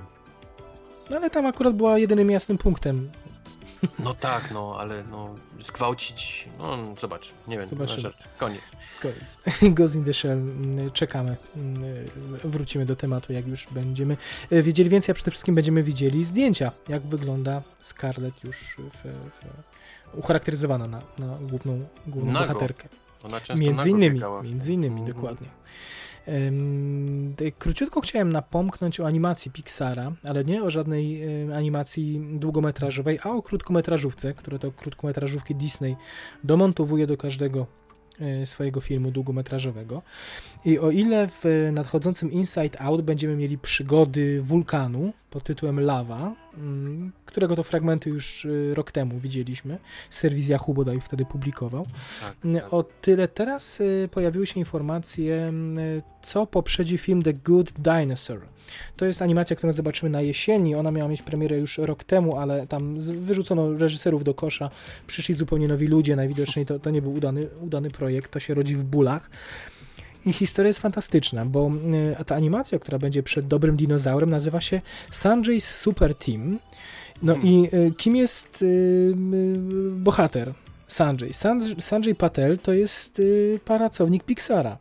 Pixara, no. To jest gość, który rysuje, projektuje postaci tam od wielu, wielu lat już i to będzie autobi autobiograficzna jego historyjka w której zobaczymy właśnie jak mały, mały Sanjay ogląda telewizję i gdzie z jednej strony no, ogląda, jako dorastając jako, jako imigrant y, z Indii w Stanach Zjednoczonych, ogląda na przykład Avengersów, y, gdzieś animowanych, y, czy czyta komiksy, a z drugiej strony no, jest jednak chowany w domu dosyć konserwatywnym i, i który próbuje tą tradycję hi, hinduską podtrzymać. I, mhm. i, I, szuka płaszczyzny porozumienia ze swoim, ze swoim ojcem. I prawdopodobnie będziemy gdzieś tam mieli mm, próbę przedstawienia Avengersów w stylistyce, podejrzewam, bollywoodzkiej. Bollywoodzkiej, tak, tak, no. gdzie, gdzie właśnie mały bohater będzie sobie wyobrażał i przemielał to, te, ten produkt Marvela przez, przez y, stylistykę indyjską. Bardzo czekam. Brzmi pysznie, brzmi bardzo osobiście, może być wzruszająco i chyba czekam bardziej niż na Good Dinosaur. No, więc, więc to tyle. Tutaj mieliśmy Hindusów, a, a inna grupa et, etniczna, Indianie, nie chce Ojej. pracować, nie chce pracować, odmówiła pracy z Adamem Sandlerem i uciekła z jego, z jego filmu The Ridiculous Six. Ja Strasznie mnie zmartwił, a zarazem ucieszył ten, ten, ten, ta informacja, bo, mhm. bo powtórzę to jeszcze raz, wiem, że na każdym podcaście to do znudzenia mówię, ale błagam ludzie, nie chodźcie do kina na filmy Sadama Andlera. Ten, błagam, proszę was, nie, nie dajcie mu zarabiać na tych filmach tak, tak y, strasznie się cieszę, że ludzie wyszli z planu. Szkoda, że to z powodu tego, że film jest po prostu cholernie rasistowski i, i próbuje być zabawny, ale obraża wszystkie ich tam wartości Indian, Indianów, więc mogę tylko wyobrazić, jak to wygląda na planie filmowym, zwłaszcza, że, dochodzą takie wieści, że oni, oni próbowali grzecznie rozmawiać z nimi, że może może nie, nie bądźcie tacy, wiesz, chamscy mhm. i dosłowni w tych żartach o Indianach, gdzie, gdzie odpowiedź była taka, jak wam się nie podoba, to, to, to sobie idźcie. Więc oni po prostu wszyscy, absolutnie wszyscy Indianie, którzy tam pracowali na planie filmowym, stali i wyszli. E, nie tylko oni, bo też część ekipy realizacyjnej część też się zbuntowała, też. prawda? Mhm, Także... Mhm. Ale to też była jakaś, jakaś część tych takich Indianów, z tego co słyszałem. Mhm. E, film powstaje dla Netflixa, o dziwo. To nie, nie będzie film kinowy, tylko tylko od razu. E, film powstaje dla Netflixa, ponieważ Netflix podpisał z Sandamem Andlerem kontrakt na, na trzy filmy, a ponieważ Sadamowi Andlerowi nie udało się tego filmu sprzedać żadnej innej e, stacji, więc padło na Netflixa, który po prostu musi zrobić ten film dla, dla niego. I jest, jest, jest w tak przysłowiowej ciemnej dupie, bo pewnie sam tego też nie chce wyświetlać no tak, u siebie. No tak. Zresztą patrz, będziemy mieć Hateful Eight od Quentina Tarantino, a tutaj Ridiculous Six. Ridiculous Six, tak. No. Recycling straszny. Rob Schneider w obsadzie, Luck Wilson, Nick Nolte, Terry Crews, Tyler Lautner, o ten ostatni to mega wybór. Mm -hmm. No, nie czekamy. Absolutnie. Nie, zdecydowanie czekamy, nie polecamy. Nie idźcie przypadkiem do kina na to. Yy, czy też nie wykupujcie abonamentu Netflix dla tego filmu, no. może tak. O, też, yy, tak. tak, tak, tak, tak. Przejdźmy na moment do kina nieco, nieco, y, dużo bardziej ambitnego niż y, Adam Sand, niż film Adama Sandlera. Y, wszystko, co jest, wiesz, nie z Adamem Sandlerem tak. jest kinem lepszym niż... Tak. Włodarze Kan ogłosili line-up festiwalu. Ogłosili, mhm. jakie filmy zobaczymy. I Wojtek, na co czekasz najbardziej? Powiedz mi z tego konkursu głównego na przykład. Masz jakieś, jak, jakiś A, wybór? Nie wiem, nie wiem. Na, Sika na Sicario na, na pewno, Denisa Villeneuve'a. Tak, to, to zdecydowanie, no. Y, powiedzmy, to jest y, film z Emily Blunt, z Benicio del Toro, z Joshem tak. Brolinem, fantastyczna Aha. obsada. Y, I o czym? O agencji FBI. Gdzieś tam likwidacja bossa narkotykowego w Meksyku, kartele, moralność wystawiona na próbę i tak dalej, i tak dalej. No niewiele wiemy na razie. Mówiliśmy prawda? o tym, jak, jak omawialiśmy filmy, nie? na które czekamy też między tak, innymi. to ty wspominałeś, ja jeszcze nawet nie, nie wtedy nie wiedziałem, że takie coś mm. powstaje, także mm. uświadomiłeś mi i teraz Wilnew przyznaje, że to jest najmroczniejszy z jego filmów. Tak. Co brzmi bardzo groźnie, bo to nie jest reżyser e, filmów lekkich, więc zapowiada się. O ile tematyka wojny gangów, przemytników e, średnio mnie kręci, no ale ufam, że to jest e, fantastyczny artysta i, i, i dostarczy. A że będzie dostał się, będzie dobrze będzie mówisz. No. no i Emily Blunt jeszcze. Emily Blunt. Gus Van Sant przywiezie The Sea of Trees, to e, jest y, Matthew no, McConaughey. Matthew McConaughey i, i, i jak on się nazywa? Kata... Ken Watanabe. Ka Ken Watanabe, no. Tak. To też strasznie czekam na ten film. jeżeli miałbym wybrać, to chyba to, to byłby chyba najbardziej, z których czekam w tej Mhm. chwili, z line-upu całego. No Van jest film, Sant, który opowiada o tym lesie w Japonii, w którym ludzie przychodzą, żeby popełnić samobójstwo i Matthew McConaughey też ma jakieś problemy w życiu i postanawia lecieć do Japonii i popełnić samobójstwo właśnie w tym lesie i tam Mhm. spotyka e, właśnie Watanabe, który, który też tam chyba próbuje popełnić samobójstwo z tego co rozumiem i jakoś się razem dogadują ze sobą. Ale to jest strasznie jakiś taki mroczny, ciemny film. O, no, to, to, to będzie niezłe, na to w czekam. ładnych okolicznościach przyrody, prawda? Bo tam w tym pobliżu ślicznie jest, no. góry Fuji, w tym lesie. y, Jakieś takie właśnie mgiełka, które jest cały czas przy ziemi i, i Mhm. te takie bardzo proste drzewa japońskie, no to wygląda po prostu niesamowicie. Każde, każde zdjęcie z tego planu filmowego wyglądało niesamowicie. Fajnie. No, Gus Van Sant bardzo y, y, reżyser alternatywny, bym powiedział, nie idący w poprzek Hollywoodu idący, gdzieś mający Mhm. epizod z remake'iem Psychozy Hitchcocka, jeden do jednego, średnio udany, ale, ale jego Słonia do dziś oglądam, wspominam i to jedno z, z no, najważniejszych, jeden z najważniejszych filmów moim zdaniem w historii kina. E, Słoń. Kojarzysz? Widziałeś na pewno, prawda? Kojarzę, oczywiście. Tak, tak, tak, tak, tak. Mm. Dobra, weźmiemy na wspominki zaraz. A to nie czas. Oglądałem go w, gdzieś w okolicach matur, pamiętam. To dość znamienne, biorąc pod uwagę tematykę filmu, gdzie koleś rozstrzeliwuje pół szkoły, prawda? Yep. Y, tak, więc czekamy bardzo. Sea of Trees. Y, ja czekam bardzo również na młodość. Ja, Jow, y, Youth. pa, Youth y, w reżyserii Paolo Sorrentino. To jest zdobywca Tak. Oscara za, za Wielkie Piękno w zeszłym roku. No i co? Facet idzie za ciosem, dostał większy budżet, Brytyjczycy Mhm. się pojawili, dostał Michaela Caina, Rachel Weisz w Mhm. obsadzie, Jane Fonda. Mhm. Mm, No, bardzo, bardzo z dużą chęcią mm, zobaczę, jak sobie poradził. Chciałbym, żeby podobną drogą poszedł Paweł Pawlikowski po idzie, ale, ale chyba nie zapowiada się. On, on chyba chce sobie zostać gdzieś na takim bezpiecznym poletku. I, i, niewiele wiemy o tym filmie. Jest pierwszy zwiastun, który nie mówi nic, poza tym, że widzimy podstarzałych facetów gdzieś korzy- korzystających ze spa i młode kobiety, albo i, i nie Tak. tylko młode, gdzieś tam przechadzające się. Bardzo taki malikowski styl wizualnie To prawda. bym powiedział. Mhm. Mm. Więc tak, to, to jest kolejna rzecz. Macbeth w reżyserii Macbeth. Justina Kurcela. Mhm. Też od dłuższego czasu słyszymy o tym projekcie Michael Fassbender, Marion Cotillard w Cotillard, obsadzie. Mm, O tym filmie jeszcze ciekawie można mówić w kontekście Assassin's Creed adaptacji gry wideo, bo Justin Kurcel ma za nią odpowiadać. Od Tak. Macbeta jak na, najwidoczniej niedaleko do kostiumowej gry wideo. Może się przebierali szybko i kręcili Jednocześnie. Mhm. Fassbender wygląda przekozacko na plakacie Macbeta. No, Y, I, i, I pierwsze zdjęcia z planu też wyglądają na, na solidną robotę, przynajmniej wizualnie. Mm, Tak, czekam bardzo. Y, Karol Toda Heinza to z kolei Tak, historia dziejąca się w latach 50. w Nowym Jorku o, o pracownicy sklepu, która zakochuje się w starszej mhm. y, mężatce. W obsadzie Kate Tak. Blanchett, Rooney Mara, Kyle Chandler, Sarah Paulson i tak dalej, i tak strasznie, dalej. strasznie dobre recenzje ten film.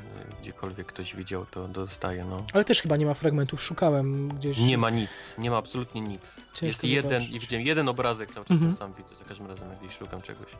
Są te filmy niestety do Cannes, one są na ostatnią chwilę chyba montowane, to jest świeżo z taśmy ze stołu montażowego, w cudzysłowie ściągane i premiery będą miały pewnie na jesieni i kampanie reklamowe dopiero będą startowały i nikt się nie zajmuje montażem Mhm. zwiastunów, przez to e, przez to nie za bardzo możemy się zapoznać z, no, z, z fragmentami. Wyróżniłbym jeszcze spoza konkursem film Natalie Portman. Natalie Portman, y, nie pamiętam teraz tytułu, a nie podejmę się czytania po hebrajsku. A mam angielski tytuł A Tale of Love and Darkness. Tak. Tak to się nazywa. To jest adaptacja bardzo popularnego w Polsce pisarza Amosa Oza. Yy, Okej. No i Natalie Portman wraca. Ona jest y, przecież, y, ma korzenie polskie, ale też i żydowskie, więc wraca do Izraela i tam sobie kręci tamtejszego prozaika adaptację.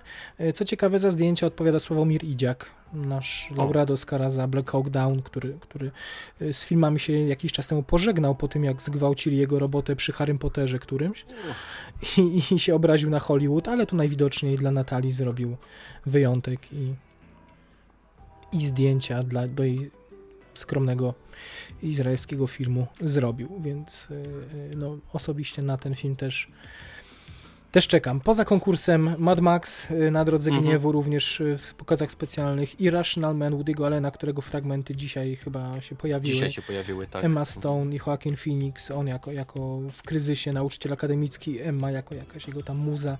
Wygląda jak generyczny Allen, prawda? Nie, nie, Mhm, prawda. nie napalam się jakoś. No Inside Out, Inside Out w głowie się nie mieści. Mhm. Pierwszy pokaz animacji Pixara i cudowna reakcja na, na, bo wypuścili cały zwiastun, w którym oni reagują na wiadomość, że będą w Cannes pokazywani. tak, widziałem to. No. Zresztą y, po, polecam również zwiastun, w którym oglądają zapowiedź Avengersów, bohaterowie Inside Out i, i się to też emocjonują. było dobre, to tak. też ostatnio pokazali. No. Fantastycznie grają tą, tym pomysłem na film.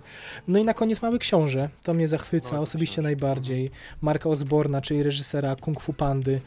To jest animacja francuska, która jest połączeniem animacji takiej, y, teraz można powiedzieć, klasycz, klasycznej, bo komputerowej, bo tak wyglądają teraz wszystkie animacje, z tą poklatkową, bo sam Mały Mhm. Książę będzie wyglądał y, no, właśnie, właśnie jak animacja poklatkowa, a, a jakąś będzie miał ornament, obudowę, fabuła, mm, no dziewczynki, która się gdzieś przeprowadza, poznaje mm, starca, który, który jej pokaże tą książeczkę i, i tak to będzie sobie dwutorowo biegło. Y, James Franco, Rachel McAdams, Marion Cotillard, Jeff Bridges, Paul Giamatti Bridges. Mhm. w obsadzie, w dubbingu, Hans Zimmer, muzyka. Mm, Mhm. Premiera koniec lipca, początek sierpnia, ale już będziemy wiedzieć w maju, czy, czy dobre. Mniej więcej za trzy tygodnie. Czy fajne. Chyba tyle skan, prawda? Chyba tak. Wydaje mi się, że. Ja mam że... jeszcze wymienione Amy Winehouse, który też przynajmniej Mówisz o dokumencie, tak? O niej? jest bardzo reklamowany Mhm. tutaj, tak, w Stanach. Mhm. Y, No, on, y, widziałem parę dni temu materiały, tam ojciec Amy Winehouse bardzo się obrusza. Twierdzi, że wybrali, wybrali no. fantastycznego reżysera i myślał, że pokaże prawdę, a pokazał nieprawdę, bo prawie mnie w tym filmie nie ma. Cytuję ojca Amy Winehouse. Mhm. Nie, no to wiesz, nie ma się co sugerować. To jest gość, który ogromną kasę natrzaskał. Mówiąc brzydko na, na, tym, na tym, co się stało z jego, z jego córką. On chyba nawet Tak. jakąś płytę nagrał. No, no, Tak, bardzo tak. się podpiął po te wszystkie wydarzenia i No. nie dziwię się reakcji, że wiesz, film jest o jego córce, a nie o nim, więc gość jest bardzo zbulwersowany. Zobaczymy, zobaczymy. A nawet nie wiedziałem, że to ma być w Cannes, to, to wow, fajnie. Mhm. Mhm. Zostawiamy Cannes. Postaram się, postaram się szybciutko jeszcze te newsy, które nam zostały. Adam Wingard y, od twojego ukochanego gościa zajmie się y, adaptacją mangi Death Note. Znasz to, ma, znasz to anime czy, czy Znam. mangę? Znam, kocham, oglądałem i miałem Mhm. koszulki i tak dalej, i tak O, dalej. no. aż tak. Mhm. Mhm. Mhm. Jakbyś mógł w Bardzo dwóch fajnie. zdaniach, co to za historia? E, to jest historia chłopaka, który oczywiście chodzi do liceum i w jego ręce wpada notatnik, w który jak wpisze czyjeś imię i nazwisko, to po kilku godzinach ta osoba ginie. I od, od chłopaka, który próbuje y, naprawić swoje problemy, staje się praktycznie psychopatą, którego szuka policja i specjalny taki też inny koleś, też bardzo psychopatyczny. I to są bardzo, bardzo fajnie napisana historia, która y, właściwie próbuje odkryć, kim jest ten koleś właśnie mordujący ludzi tym notatnikiem i on, on nawet, przez, no nie będę spoilował, bo to jest za dużo rzeczy, ale jest naprawdę, ma, ma świetny pomysł, jeżeli nagrają to tak jak, jak powiedzmy podobnie jak mangę, to, to będzie nie, niezły film. Myślisz, że się uda to na, na grunt amerykański przenieść? Em, myślę, że tak. Myślę, że tak. Jeżeli. Chociaż. Ach, A to będzie bardziej, to będzie bo bardziej... ja myślę ten i od razu myślę ring, nie? I Mhm. mam na myśli. No mam, tak. Mam w Tam głowie to ring japoński, no ring tak. amerykański, więc, więc to, to no może się uda. Mhm. A to jest bardziej horror, bardziej thriller, yy, obyczajówka? To jest Znaczy- właśnie, bo to jest tak, zaczyna się bardzo, bardzo skromnie, bo, bo humorystycznie i wręcz ten, on, on na początku tam e, próbuje jakieś swoje problemy ludzi, ale ma, z tym jakieś problemy, wymazuje ich szybko, żeby ten, ale później to się taki bardzo, bardzo, bardzo brutalny, bardzo ciemny, ciężki horror właściwie, gdzie on odbija mu szajba i, staje się takim wręcz Hitlerem powiedzmy. Miałem wrażenie, że światowym. to ma taką gotycką stylistykę, ta przynajmniej wersja japońska. Wizualnie. Gotycką? Nie. Nie? Nie, nie, nie, nie, nie, powiedziałbym. Bardzo współczesne, jest do tego Mhm. bardzo taki wielki, trzymetrowy koleś, którego tylko on widzi, który jest cały czas O. przy nim i Mhm. który lubi jeść jabłka i cały czas mu szepcze do ucha jakieś złe rzeczy i, i podpowiada bardzo niedobre rzeczy i mam wrażenie, że to przez niego trochę on, on tak zaczyna świrować i zaczyna mordować niewinnych. No, jest, jest, jest potencjał. Brzmi interesująco, fajny reżyser, bawiący się stylistyką, więc y, będzie, będzie na pewno wydarzenie. E, Fajnie, bo The Guest był taki właśnie stylizowany na, na filmy klasy B i myślę, że on, jeżeli pójdzie trochę też w tym kierunku, to może też się mu to udać. No, na razie musi skończyć The Woods, o którym mówiliśmy dwa tygodnie temu, czyli domniemany Blair Witch Project nowy, a potem, No tak. A potem zajmie się Death, Death Note. Y, pozostajemy przy filmie Gość, bo w nim oto pojawiła się Maika Monroe y, w roli Czy ty drugoplanowej. też jesteś teraz w klubie Jestem Monroe? zdecydowanie, zdecydowanie Okej. po It Follows jak, Okej. jak najbardziej. I ta dziewczyna... Ja już The Guest powiem ci, że mimo tego, że miała bardzo małą rolę, to, to tam gdzieś wpadła w Mhm. oko. No ale to ja, tak jak rozmawialiśmy, ja, mnie się troszkę mniej podobał The Guest, więc y, podobał mi się, ale nie aż tak. Dopiero zakochałem się po, po It Follows. No i ta dziewczyna będzie w, dołączyła do obsady Dnia Niepodległości, drugiej części. Tak, będzie córką prezydenta. Mm. Y, będzie miłością Liama Hemswortha również. O, No. No to ten film śmierdzi straszną padaką. No. no. no. Wiesz, Will Smith się z tego wymiksował, podziękował. Wrócą Jeff, Jeff Goldblum, Vivica Jeff Fox, Goldblum, prawda? no, I, I Bill no. Pullman chyba. Tak. No nie wiem, no nie wiem. No, no, mam podobne odczucia jak do, do Parku Jurajskiego. O Właśnie nie, no nie, ale. No, no właśnie, to jest to moje uczucie. Widzisz, teraz pomyśl o tym, to ja tak, tak czuję właśnie. o nie, no ale tam robi nie, No wiem, wiem, przesadzam już teraz. Już mądry, próbuję- rozsądny koleś, a tu robi Roland Emmerich, który Roland Emmerich. nie jest rozsądny, absolutnie. No, dalej idźmy, bo Dalej mam idźmy. wróżyć, no. Dalej. Mm, Star Trek 3 mm, dowiadujemy się, że jest już tytuł prawdopodobny, Jo. a przynajmniej y, taki tytuł został zarejestrowany w, organizacji MPAA miałby się nazywać Star Trek Beyond. Co ty na to? Beyond. No, brzmi dumnie. Dumnie. Lepiej niż Into Beyond jest- Darkness, tak? Poprzednie. E, I to Darkness też brzmi tak, wiesz, mrocznie. A były Beyond problemy z tłumaczeniem, było problemy z tłumaczeniem na język polski. Elżbieta wy... Star w, ciemno, w ciemność Star Trek. A wiesz, w ciemność Star Trek, ale dwukropek, przecinek, co jak... No. Ciemny Star Trek. Mm, Także Star Trek... Ponad, a to będzie co? Ponad Star Trek. No widzisz. No i bądź tu mądry. Simon Peck dalej walczy, kończy scenariusz, bo, bo już muszą wchodzić powoli na plan. No. Y, Zdradził tyle, że możemy się spodziewać hołdu dla Leonarda Nimoya, zmarłego niedawno, więc będziemy mieć troszkę podobny kasus jak z Polem Walkerem tutaj. Może nie tak ważny dla całego świata, dla, dla, dla, takiego ogromu ludzi na całym świecie, no ale jednak dla tego fandomu Star Treka, który też No jest tak. niemały, je- jest to ważna, ważna postać, więc y, no będzie w jakimś sensie też to wydarzenie i będziemy obserwować, jak tutaj sobie poradzą z tym mm, twórcy. Y, No i tyle. Jazz, y, aha, Simon Pegg jeszcze mówi, że wymyślił bardzo fajną rolę dla Idrisa Elby. Czy Idris Elba Tak, się pojawi, tylko, tylko y, i miałoby, miałaby być to postać oryginalna, czyli nie zapożyczona z, z, Mhm. jakby, z tego uniwersum, tylko, tylko wymyślił sobie postać. Y, y, A propos Paula Walkera, Szybcy i Wściekli 8 mają już, da, mają już datę premiery. Można się było tego Tak. spodziewać. Tak. Vin Diesel wy, wywlókł się na scenę na, na CinemaConie, o którym mówiliśmy kilkakrotnie. CinemaCon to jest, może powiem, to jest taka impreza dla kiniarzy. Jest również taka impreza w Polsce, organizowana kilka razy do roku, na której pokazuje się y, dużo wcześniej filmy, które mają mieć premierę, to jest akurat fajna rzecz, ale i, i jakieś omawia strategię, szczególnie tych mniejszych kin. Mm, No i tutaj jest oczywiście na o wiele większą skalę to w Stanach Zjednoczonych no, organizowane i Vin Diesel ogłosił, że 14 kwietnia 2017 roku zobaczymy nową część i że zrobią, cytuję, najlepszy film, jaki w życiu widzieliśmy. O! Nie wiem, czy widziałeś zwiastun ostatniego filmu z, z Vin Nie, Dieslem. nie, jeszcze nie miałem. The okazji. Witch Hunter, który się pojawił chyba wczoraj albo przedwczoraj, gdzie Vin Diesel gra Rodika, który tym razem nie jest w kosmosie, tylko Mhm. poluje na wiedźm. On nie, on nie potrafi innych ról grać. No, no przykro mi Vin. Najlepsza jego rola to była wtedy, kiedy był opiekunką dla, dla małych dzieci. A, To nawet wczoraj jego- z kimś o tym rozmawiałem. Tak, Protektor chyba film się nazywał. Protector czy jakoś tak, no. To był najlepszy film z Tak. Vinem Dieslem. Pamiętam. Widziałem go na raty, chyba 10 razy oglądałem. jak pracowałem w kinie, to chyba chodziłem na ten film bo na, na przerwach. Wiesz, miałem 15 minut przerwy i chodziłem codziennie na 15 minut filmu oglądać. Miałem wyliczone... Ja pamiętam, ja pamiętam że gdzieś leciałem ten, leciałem samolotem. A, pamiętam sobie ten film, nie wiem dlaczego akurat wybrali ten, jakiegoś takiego suchara strasznego, a potem zacząłem oglądać i się śmiać.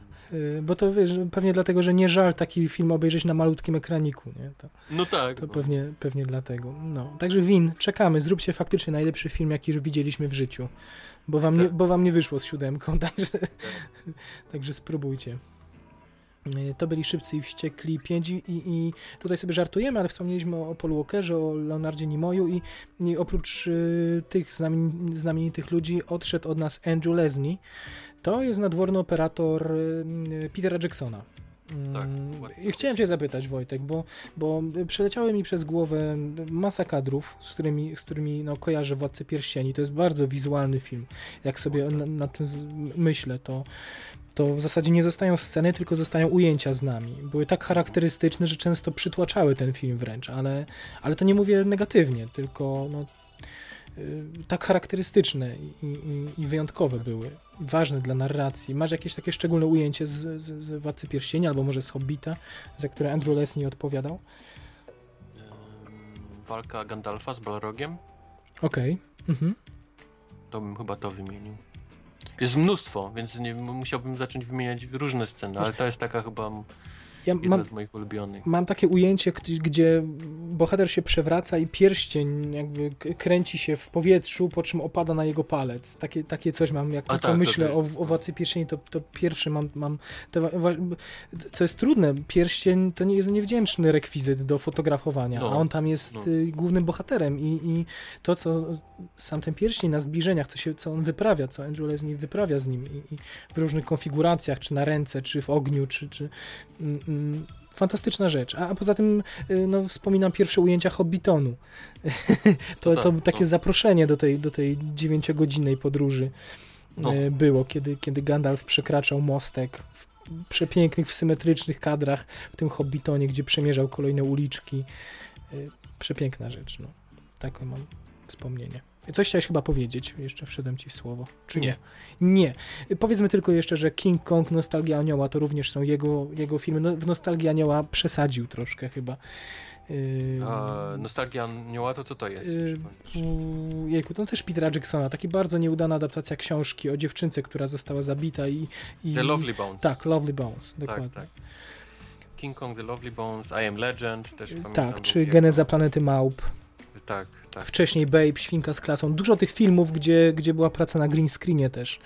Yy, Mhm. więc, więc był w jakimś sensie specjalistą od pracy, albo z aktorami, którzy są wykreowani w komputerze. No, no wielki specjalista będzie nam na pewno, na pewno nam i, i całej kinematografii.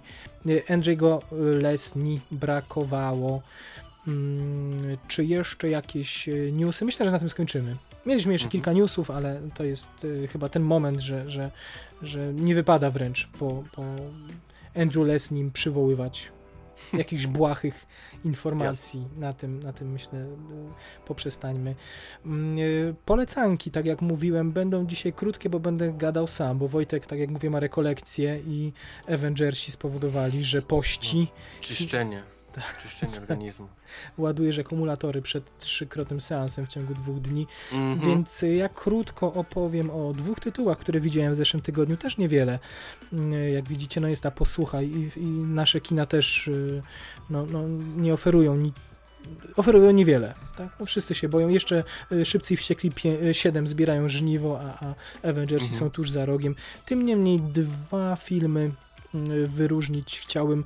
Run All Night, czyli Nocny Pościg w Polsce z Liamem y, Nisonem, którego y, no, nie oszczędziliśmy na zerowym odcinku przy A Walk Among Tombstones i znęcaliśmy się nad tą jego szufladą i on nie wychodzi dalej z tej szuflady niestety, bo tutaj w tym No. filmie, który, który y, Jaume Collet-Serra wyreżyserował, to jest gość, który razem, w którym razem zrobili non-stop, razem, razem zrobili tożsamość wcześniej. Mm, No, lubią się panowie naj, najwyraźniej. Hiszpan i, i, i mm, i Liam Neeson. I, I, w Nocnym Pościgu Liam Neeson gra taką, taki przekrój swoich ról, muszę ci powiedzieć, bo to jest z jednej strony właśnie taki zmęczony życiem, jak krocząc wśród cieni policjant, znaczy tutaj jest akurat mafiozem, znaczy jest singlem na usługach mafii, ale jest zmęco, zmęczony życiem, gdzieś ma niepoukładane tak, to tak. życie ja rodzinne. Nie widziałem, ale widziałem zwiastun, mam wrażenie, że widziałem cały film. A z drugiej strony musi ratować syna, czyli jest trochę takim gościem z uprowadzonej Staken, który też mhm. musi wydawać, radzić synowi, co ma zrobić, dziś przez telefon, potem już razem działają i biegają potem, potem. Więc to akurat nie brzmi najlepiej, bo to jest taka esencja tego Liama Nisona, który, który jest zaszufladkowany. Natomiast to jest bardzo solidne kino akcji, muszę powiedzieć. To jest jeden z mhm. fajniejszych akcyjniaków, które widziałem z kilku powodów. Po pierwsze, te postacie są bardzo mm, dobrze napisane, co się, co się ostatnio rzadko zdarza w takich w tego typu filmach. Znaczy, ten Liam Neeson, y, ten film trwa, jest dosyć długi, trwa dwie godziny, natomiast myślę, że 40 minut to jest zawiązanie akcji, kiedy, kiedy poznajemy tych ludzi, kiedy poznajemy, dlaczego Liam Neeson jest w takiej sytuacji, a nie innej, dlaczego z tym synem nie układa mu się tak, jak powinno. Y, jest fantastyczna scena, kiedy on, no, potrzebując pieniędzy i prosząc o pożyczkę, y, ten mafiozo, syn mafiozo mówi, ok, dam ci, ale wiesz co, w zasadzie to nie stawił się do pracy dubler świętego Mikołaja, więc zostań nim. No i Liam Neeson siedzi jako pijak, zapijaczony, siedzi i bierze te dzieci na kolana i oglądamy jak, jak wygląda bycie świętym Mikołajem przez y, tak, pijanego Liama Neesona. Y, no i tak to wygląda, tak, taki upadek człowieka obserwujemy przez te parę dziesiąt parędziesiąt minut, a na drugim biegunie mamy Eda Harrisa. No też przecież legenda kina w zasadzie. Ja wspominam jeszcze Apollo 13. Y, tak sobie, tak, tak jak myślę o Edzie Harrisie teraz. A tutaj mamy starego już, schorowanego, widać y, bardzo szczupły, policzki, kości policzkowe bardzo uwydatnione, no gdzieś mhm. cień tego Eda Harrisa dawnego, ale dalej klasa aktorska fantastyczna. I to też jest ciekawa postać, bo, bo to jest mafiozo, który no, próbuje się dostosować do współczesnych czasów i, mm, i mimo jego, że jego syn sugeruje mu, sugeruje mu jakieś lewe interesy, to on, on mówi nie, mam swoje, mam swoje zasady, y, wiem jak się teraz, jak jest ryzykownie teraz funkcjonować, próbuję żyć nie tak jak, jak żyją mafiozi obecnie. Jest to taki mówię, mafiozo niezbyt charakterystyczny dla, dla, obecnej kinematografii. Natomiast staje się mafiozem z krwi i kości, kiedy w końcu staje się krzywda jego, jego synowi, którą tę krzywdę wyrządza Liam Neeson. Tu my się nie zdradzam, bo, bo zwiastuny to już sugerują i ich Ed Harris wtedy podług y, tego kodeksu y, i honoru, jaki w takich y, rodzinach Y, no, mafijnych panuje, musi zmienić swoje, swoje postępowanie o 180 stopni i Liam Neeson, który był jego przyjacielem i który jeszcze paręnaście minut wcześniej zarzekał się, że razem pójdzie, pójdziemy, pójdę za tobą w ogień, zrobię dla ciebie wszystko. Gdzieś y, no, stają po przeciwnych stronach barykady. I o dziwo, brzmi to niewiarygodnie, ale to jest umotyw bardzo umotywowane właśnie tymi 41 minutami, że my wierzymy, że my wierzymy, że ci ludzie mogą stanąć naprzeciwko siebie właśnie przez okay. wydarzenia, które są w filmie. No i co? Całość filmu to jest jedna noc. Rozpoczyna się po południu jednego dnia, kończy o poranku dnia następnego. E, więc też bardzo fajna struktura. Mamy sensownie zrealizowane pościgi w mieście, gdzie się rozbijają samochodami. Bardzo, bardzo, to jest wszystko takie ciężkie, masywne. Fajnie, widać, że, że porozbijali tam prawdziwe samochody, witryny sklepowe, powjeżdżali w witryny sklepowe. Y, jest bardzo sympatyczna akcja w bloku mieszkalnym. O dziwo, zdziwiłem się, że w ogóle w, w Stanach Zjednoczonych takie bloki wielkie są. Podejrzewam, że tam mieszka w nich element, w Polsce to jest po prostu no. krajobraz i ja mieszkam w takim bloku. Jesteś też element. Ja jestem element, no wiadomo. Y, no. I, i i co? I, i jest y, parnastominutowa scena, gdzie oni uciekają przed policją po takim budynku. Jest fajna choreografia, gdzie biegają po korytarzach, po balkonach. W y, udziale z jednej strony Komona, który gra płatnego mordercę, który gdzieś za nim tak. biega. Z drugiej strony policji, z trzeciej strony helikopterów gdzieś tam dookoła. To jest naprawdę fajna choreografia. Ciekawie to jest rozpisane. To ma sens przede wszystkim. To też te, ich decyzje, to, to gdzie oni idą. Mogliby biegać gdziekolwiek, ale czujemy przez cały film, że to, co robią, jest, jest sensowne w tej całej sytuacji, która ich nieciekawa, nieciekawa z, spotkała. Także bardzo polecam w tej. To, to nie jest arcydzieło, ale, ale to są dobrze napisane postaci, solidne kino akcji, niewiele takich filmów.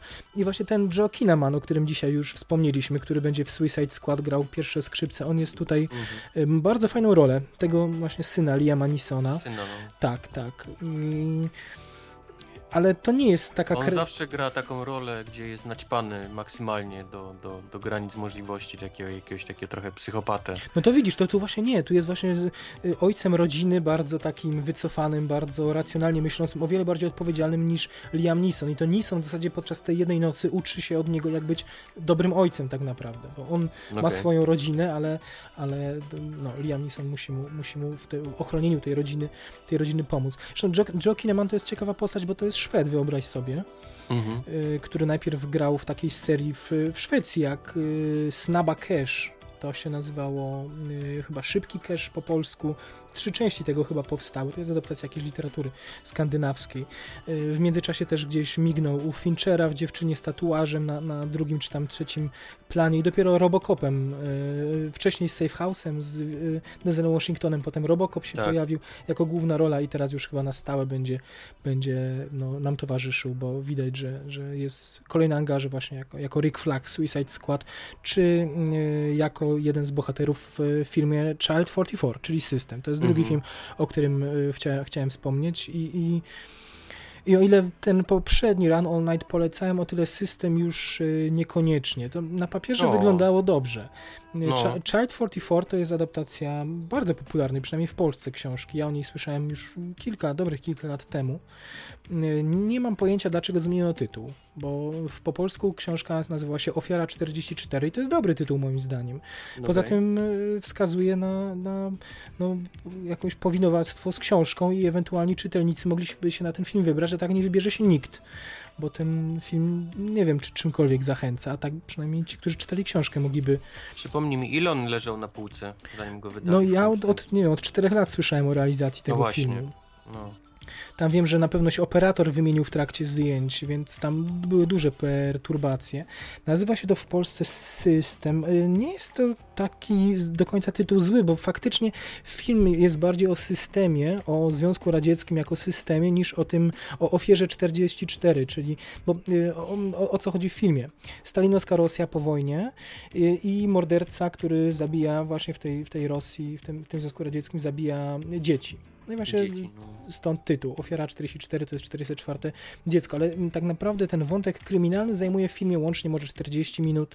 W tym długim filmie, bo film trwa 2 godziny 20 minut, jest bardzo długi. Mhm. I, I film faktycznie opowiada głównie o systemie, o tym, jak wygląda prowadzenie śledztwa w Związku Radzieckim, jak ten opresyjny system próbuje mm, udać, że nic się nie dzieje. Pada takie zdanie wielokrotnie w tym filmie, że w raju nie ma morderstw.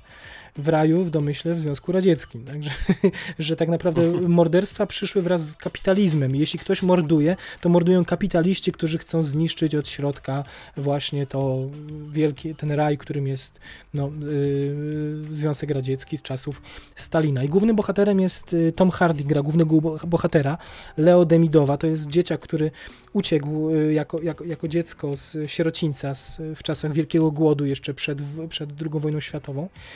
Y, I w czasie II wojny światowej został wielkim bohaterem. Y, Jest taka scena retrospektywna, gdzie za tą flagę na szczycie Reichstagu to on właśnie trzyma tą flagę, Och, która jest okej. na, jako triumf nad nazistowskimi Niemcami.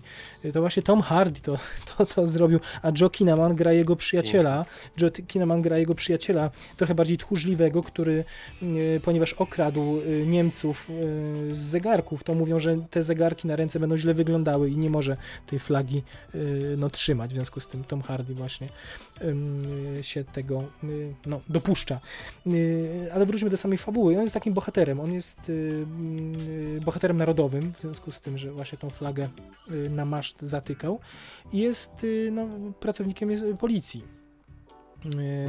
y, tej służby bezpieczeństwa i rozpoczyna śledztwo. No i teraz, y, jak można się y, domyślać, y, no, y, aparat państwowy nakazuje mu mówić to, że to były wypadki, y, a nie morderstwa, aż do momentu, kiedy takie morderstwo przytrafia się synowi jego przyjaciela.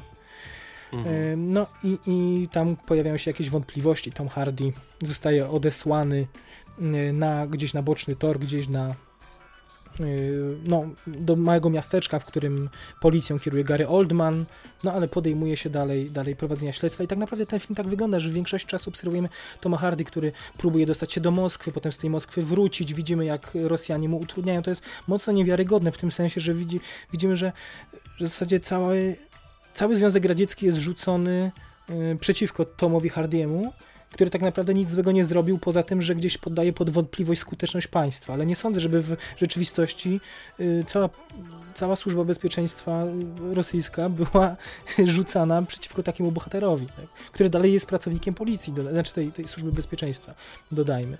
Więc te, te pogrywanie z systemem właśnie obserwujemy przez dużą większość czasu. Nomi Rapaz gra jego, jego małżonkę. To jest w ogóle śmieszna historia, bo, bo ja się łapałem co chwilę za głowę na tym filmie, bo, bo oni wszyscy mówią po angielsku z rosyjskim akcentem. No właśnie miałem pytać, jak ten akcent ich wynika, bo, bo Tom Hardy I Tom, ma ciężki, ciężki akcent brytyjski. No. Ja się, to się okropnie ogląda. Tom Hardy jest okay. Brytyjczykiem, Gary Oldman jest Brytyjczykiem, Naomi Rapaz jest Szwedką, Joel Szwed. Kinnaman jest Szwedem.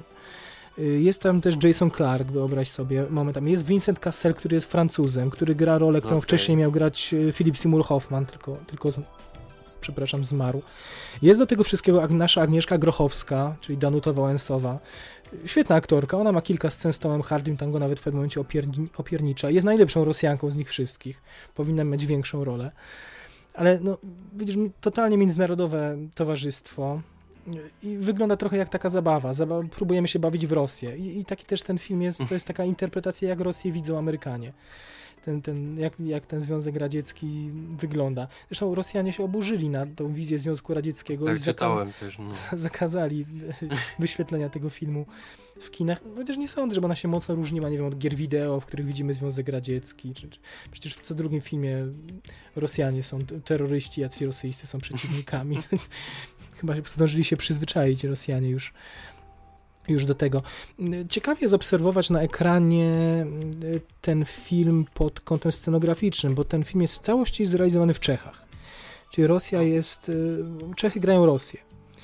czeskie lasy są rosyjskimi lasami. Mm, miasta są. Praga prawdopodobnie jest Moskwą.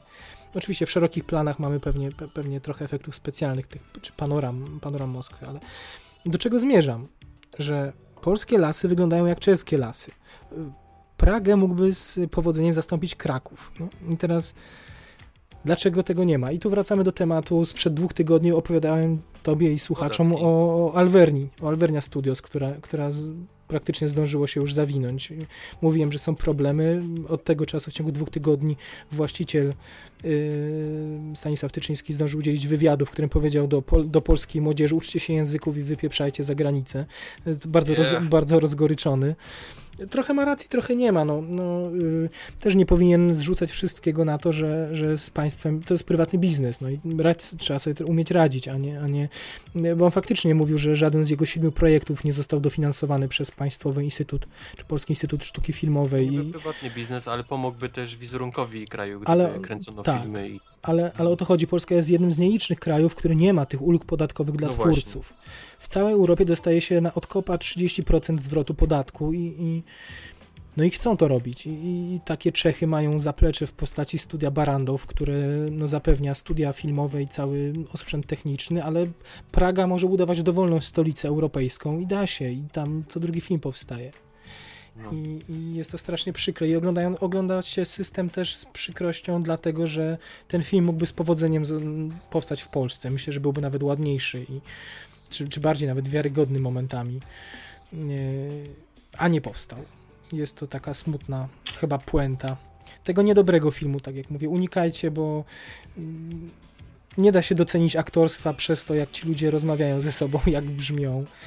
I jeśli ktoś oczekuje pasjonującej historii kryminalnej, to jej tutaj nie znajdzie, bo ta tajemnica, ten, morderca, którego tak naprawdę już w połowie filmu poznajemy, rozwiązanie zagadki wygląda, jest schemat mniej więcej taki, że Tom Hardy jedzie do Moskwy, dowie, uzyskuje jedną informację, jedzie w drugie miejsce i tam spotyka mordercę. I, i to w dużym skrócie jest cały schemat kryminalny.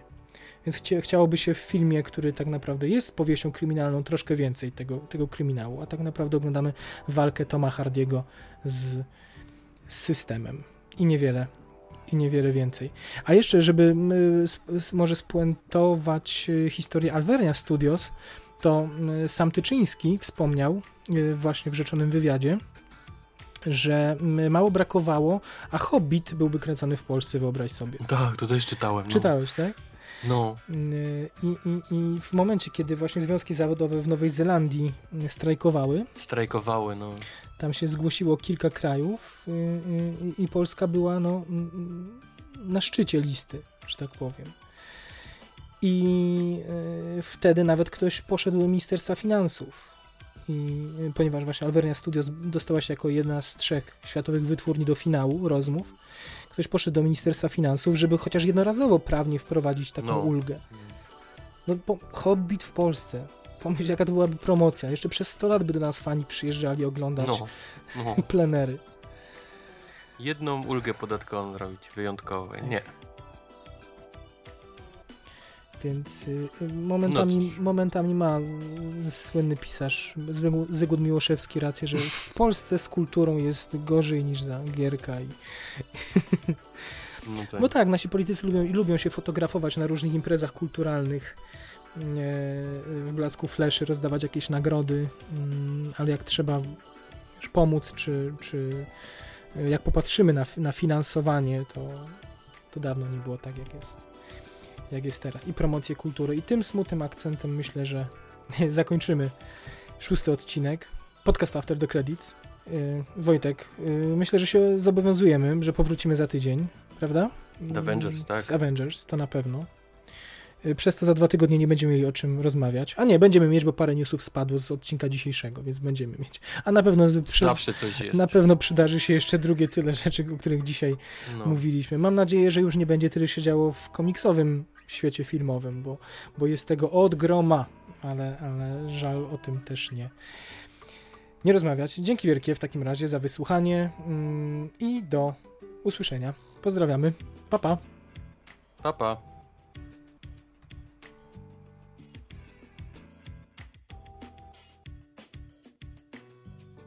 Spring Breakers, jest Bling Ring z Emma Watson, Mhm. jest Luck, jest Under the Skin, jest Enemy, jest The Rover, nie wiem czy oglądałeś The Rover. Jeszcze nie, ale wiem o co chodzi. To w, w Cannes było Em, rok temu pokazywane z Pattinsonem, no. tak. Mhm. Obvious Child było świetną Mhm. komedią, ten Life After Beth było takie sobie, ale, ale też jest na tej liście. Jest The Most Violent Year, który był świetny.